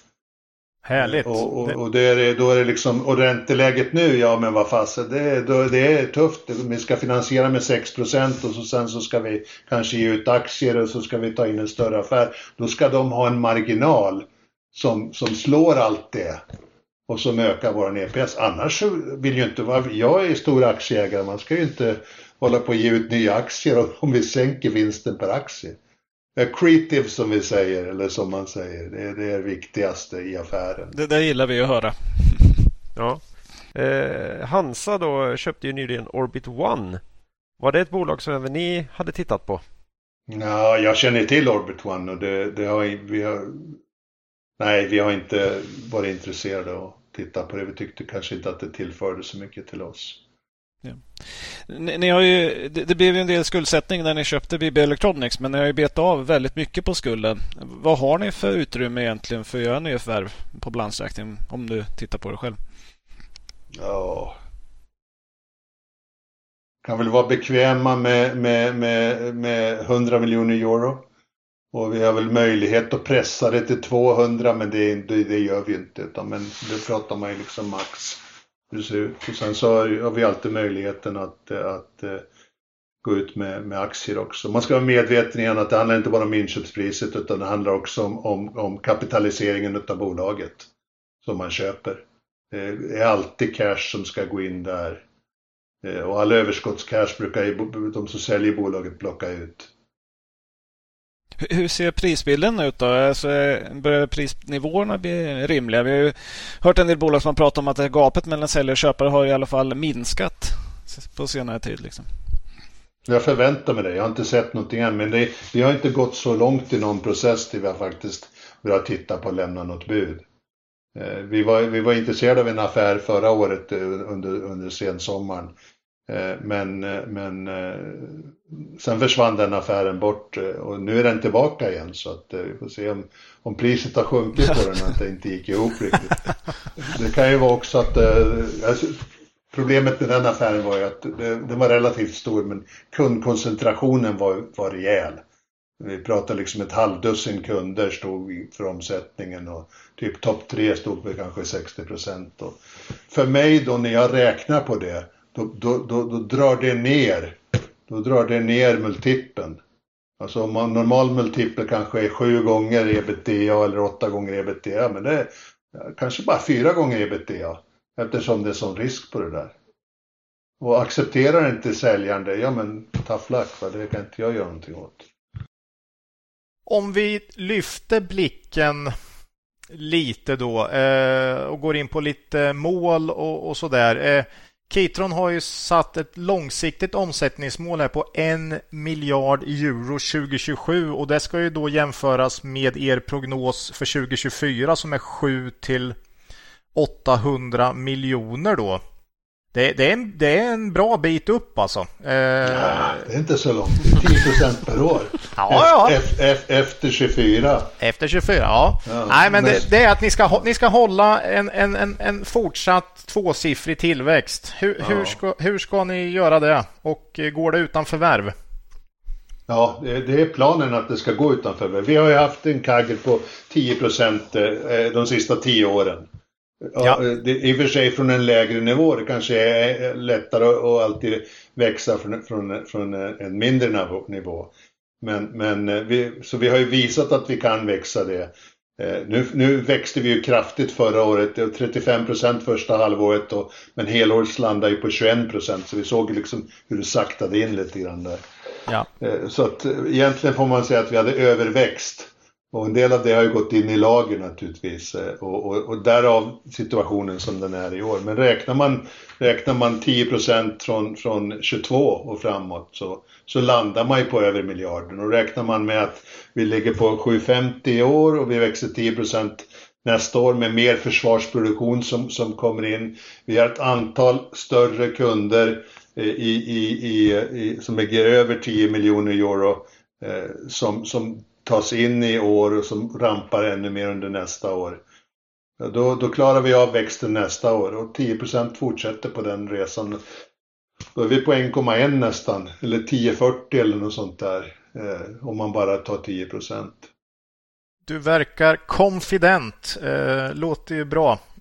Ja, men det är mitt jobb att, driva det här bolaget och se till att omge mig med otroligt duktiga medarbetare. Ja. Eh, det är ju inte ett enmansjobb där utan framförallt när det gäller på kundsidan så är regioncheferna eh, ohyggligt viktiga och de lokala VDarna på varje sajt som har den väldigt nära kundkontakten. Eh, ni har ju ytterligare mål här. Ni har ju också ett mål om en rörelsemarginal om 9 procent 2027. Eh, det är ju klart högre än vad bolaget presterat historiskt men, ja, men för, för några år nu då så ser det ju annorlunda ut. Eh, finns det några strukturella skäl till varför ni ska kunna hålla en högre marginal än ni har gjort eh, tidigare? Fem kvartal i rad har vi, i och för sig då nu under kan vi säga hög, högkonjunktur under de här fem kvartalen. Eh, eh men vi fortsätter även i år att titta på att, att våra fabriker ska leverera 10% marginal oavsett vad de, hur de är belagda och då får de jobba på kostnadssidan. Så att de fabriker som har det lite tuffare nu ja men då tittar vi på kostnadssidan där. Och, och, och eh, tar fram olika program per sajt beroende på ja, vilka produkter de har varit lite mer speciella, vilka kunder som har varit stora hos dem. Så att i Norden så går det ju fantastiskt bra. Sverige kommer ju, kommer ju ha en växt på, på över 10 procent i år, för fabriken i Jönköping och, och, och landar på kanske drygt 1,1 miljard. Norge är ju betydligt högre Eh, tuffar på, på, på upp mot en 2,4 miljarder kanske eh, norska kronor, ja samma som svensk krona i år. En fantastisk växt från de 500 miljoner de var för, för tio år sedan. Eh, då, då vi, då vi right-sizade bolaget första gången och tog ner antalet anställda från 500 till 200. Eh, och nu är de på väg upp mot 500 igen men nu är det ett helt annat läge för dem också. Så att det, vi får, det, marginalen i sig är, är, ju, är, ju, är ju ett mål. Vi säger att vi ska hålla 9% marginal, men det blir mindre pengar i totalen om, om omsättningen sjunker. Hålla marginalen men omsättningen sjunker. Return on operating capital, det är det det handlar om. Vi kan inte gå ner på en rock på 12 gånger eh, eh, och, och, på ebit och sen efter skatt och efter finansiella kostnader så, så, så halveras den, den rocken ner till, ner till, ner till 6 procent. Eh, ja, så att det, det funkar, det är för låg avkastning. Ja, jag Då vill ingen vara med på tåget längre. Nej. Men skal, skalfördelar här och ni har ju ändå vuxit rejält som du är inne på här att nu ni mm. downsize och nu börjar ni bli rätt size. Eh, hjälper det att hålla uppe marginalerna? Ja, ju, ju, just det här att ni helt enkelt är större än vad ni var när ni hade tuffare marginaler? Eh, ja, det, det gör det. Jag tror det är enklare för oss att, att skala ner en del av kostnaderna. Det, det, det, det är det. Sen har vi en fördel av att de fabriker som går bra, de går otroligt bra. Eh, och vi har alltid haft, även under, under, även under hela fjol och även de där fem kvartalen med, med 9,1-9,0 procents eh, marginal så har vi haft fabriker som inte har gått så bra. USA till exempel, de, de, hade vi, de förlorade ordentligt med pengar i 22. Eh, under 23 då satte vi dem på, på nollbudget och allting de tjänade det, det, sa vi, det tar vi bara som en accrual mot, eh, mot eh, inkurant material. Så att vi kan ta bort och rensa böckerna från de delarna. Men de tjänade pengar förra året. Nu ska de tjäna pengar i år. Och de växer 50 dessutom, så de ska tjäna bra med pengar. Då har du tre sajter där vi gör liksom ingen, ingen right sizing eh, annat än på vissa delar där vi, där vi eh, ser att vi har ändå möjlighet att göra det. Eh, och, som tuffar på. Och Litauen, ja men det, man, man ligger på 2022 års nivå i omsättning. Man har vuxit kraftigt, 80 eh, miljoner euro, 120 miljoner euro, 160 miljoner euro. Ja, nu ligger man på 130 i år. Det är inte en dålig summa i alla fall. Och under hela den perioden i alla de olika kostymerna har de levererat någonstans eh, eh, låg double digit eh, margin till, till, eh, till koncernen. Sen är det tuffare. Kina är ner kraftigt. Det är 50 ner i Kina. Det är, Polen är ner, ner 50% eh, Tjeckien är ner eh, 25% ungefär. Så att det där blir det större, större tag. Eh, eh, och, och, och, och produkttransfers från, från eh, Norge för att eh, hjälpa de fabrikerna en del också. Ja, då, då har ni kapacitet där också om ni lyckas med dem. Ja, ja precis. Vi noterade när vi gick igenom Kitron i podden att uh, utöver ledningen då som, som är svenska och stora ägare så att säga så, så var det ganska tunnsått med, med svenska ägare. Uh, trots att bolaget varit så framgångsrikt och gått så starkt som du så pratade om tidigare. Vad, vad tror ni det beror på att inte svenska investerare hittat till Kitron? Ja, vi har inte varit så mycket, haft någon roadshow egentligen. Vi gjorde det för var det 2017, 2018? då vi gjorde, gjorde lite roadshow, då besökte vi liksom eh, de institutionella investerarna eh, runt om i Stockholm. Eh, och fick väl in några ett tag. Vi hade, så vi hade Krades inne på runt 15 procent ett tag när, när, när och sen hade vi Nordea Fonder, jag vet inte om de är kvar än, om de är utanför topp 20-listan eller inte. Men det, du har rätt. Är, vi, vi, planerar en ny roadshow i augusti på, på svenska marknaden. Vi gör vad vi kan eh, i podden här för att ja. lyfta er framgång. Eh, vad ser du själv att Kitron kan vara om fem till tio år? Är det något, är det, är det business, ni kör på, förfinar och växer eller är det något nytt som ska hända? Något nytt affärsområde? Ja, det får man väl hoppas att, att vi kan identifiera något nytt affärsområde som, som, eh, som växer snabbt. Eh, vi ställer oss den frågan varje, varje år så brukar vi träffas eh, 50 ledare från koncernen i, i, slutet, på, i, i slutet på september, i början på oktober. Och sitter två, tre dagar och pratar om de här frågorna vi har ingenting nytt som, som är på gång just nu. Men jag tror marknaden i de nordiska spelarna de kommer att fortsätta växa dubbelt så snabbt som marknaden, EMS-marknaden i sin helhet. Så om de växer 5% så växer vi 10 Och vi har, vi har en, en mogen kundflora i Skandinavien, framförallt i Sverige med sin mycket starka industriella bas, som är van att arbeta med, med oss och våra, våra konkurrenter. Eh, helt annat eh, eh, arbetssätt som, som, som eh, marknaden i Tyskland till exempel kan väl jämföras med marknaden på nästan 80, början på 90-talet i Sverige. Kapacitetslego, eh, mindre, man har mycket egen produktion, få, man är i större grad familjeägda än vad man är börsnoterade. Eh, så att, eh, men vi jobbar ju med att penetrera ännu, ännu tuffare där och fortsätta växa på. Så det finns ju också en, en, eh, stor möjlighet. Men, men eh, sen, sen eh, finns, det väl för, finns det ju möjligheter till kanske några stora affärer. Vi har ju tre, fyra nu större nordiska spelare. Med, med, med finska Scanfil och svenska Note och Hansa kommer starkt på slutet nu. Även om det kanske är lite stor skillnad mellan, mellan volymer och, och storlek på kunder. Eh, vad man har för strategi. Note och Kitron. Mm. Ja. Men vem vet vad framtiden bär med sig? Nej, det är svårt att veta. Eh, vad, se, vad, ser du som största riskerna då för Kitron? Eh, är det något som håller vaken dig om nätterna så att säga? Säkerhetsläget i Europa, cyberattacker. De två sakerna. Ja. Eh, mycket annat kan vi, kan vi hantera och, och, och jag ska inte säga att vi inte kan hantera cyberattacker men eh, det beror ju, det, det, är, det, det är farliga grejer. Mm. Ja. Och så Ja. säkerhetsläget i Europa, man vet aldrig vad som händer eh, och om ett års tid så kan, kan säkerhetsläget med, med och USA se helt annorlunda ut än vad det är idag. Och, Ja. eh, Om, Det är nog många som känner, känner så.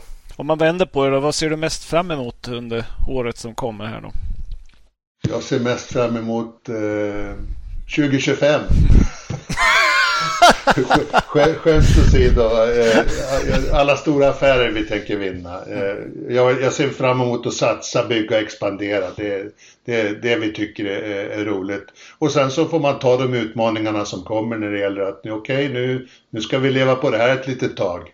Eh, Då måste vi se till att vi levererar på det. Ja.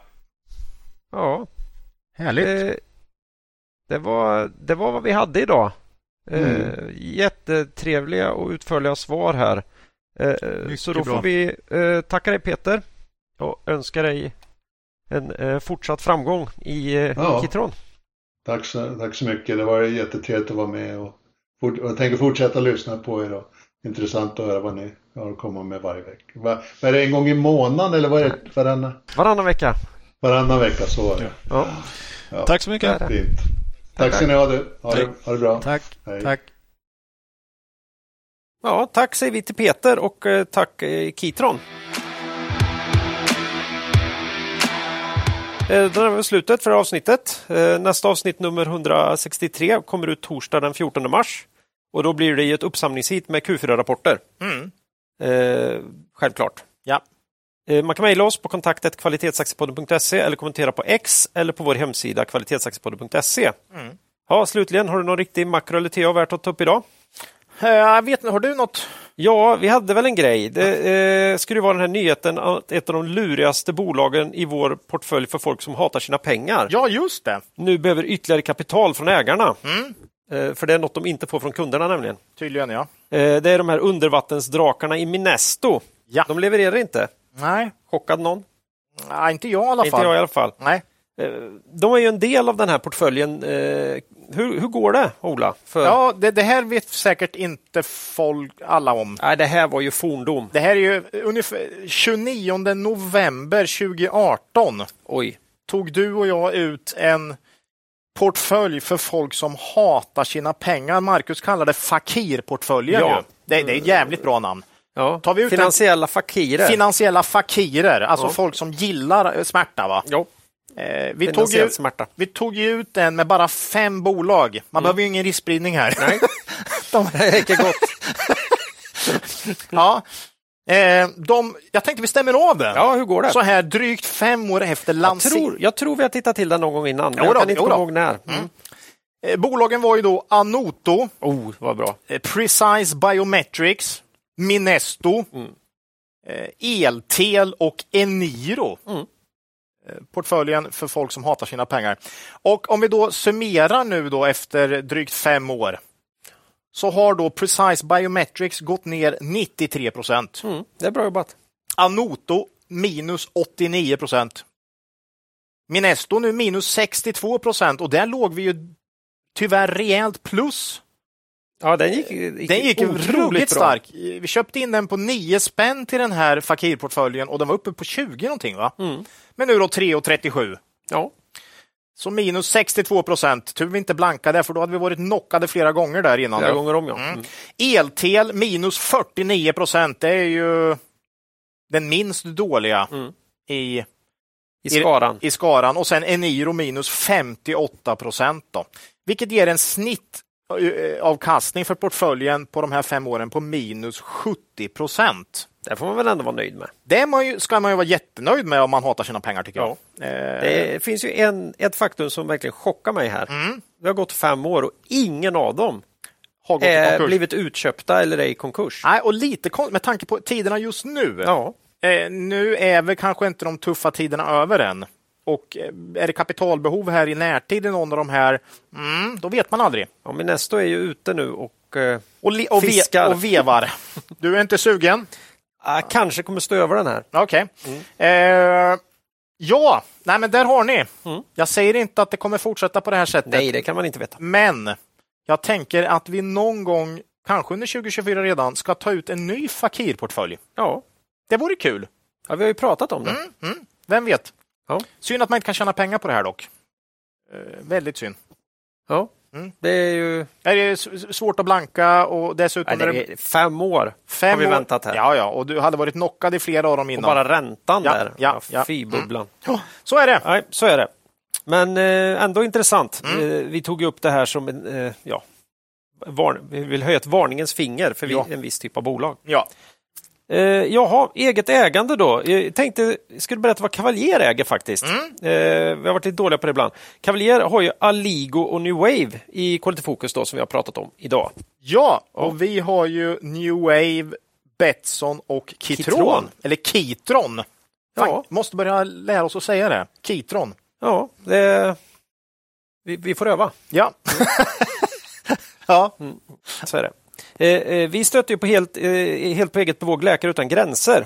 Organisationen startades 1971 av läkare och journalister som ansåg att det behövdes en oberoende hjälporganisation som talar ut om övergrepp och missförhållanden och satte människor före politik. Idag arbetar Läkare utan gränser i över 70 länder runt om i världen med allt från medicinsk katastrofhjälp eh, till att stärka barnhälsan i utvecklingsländer.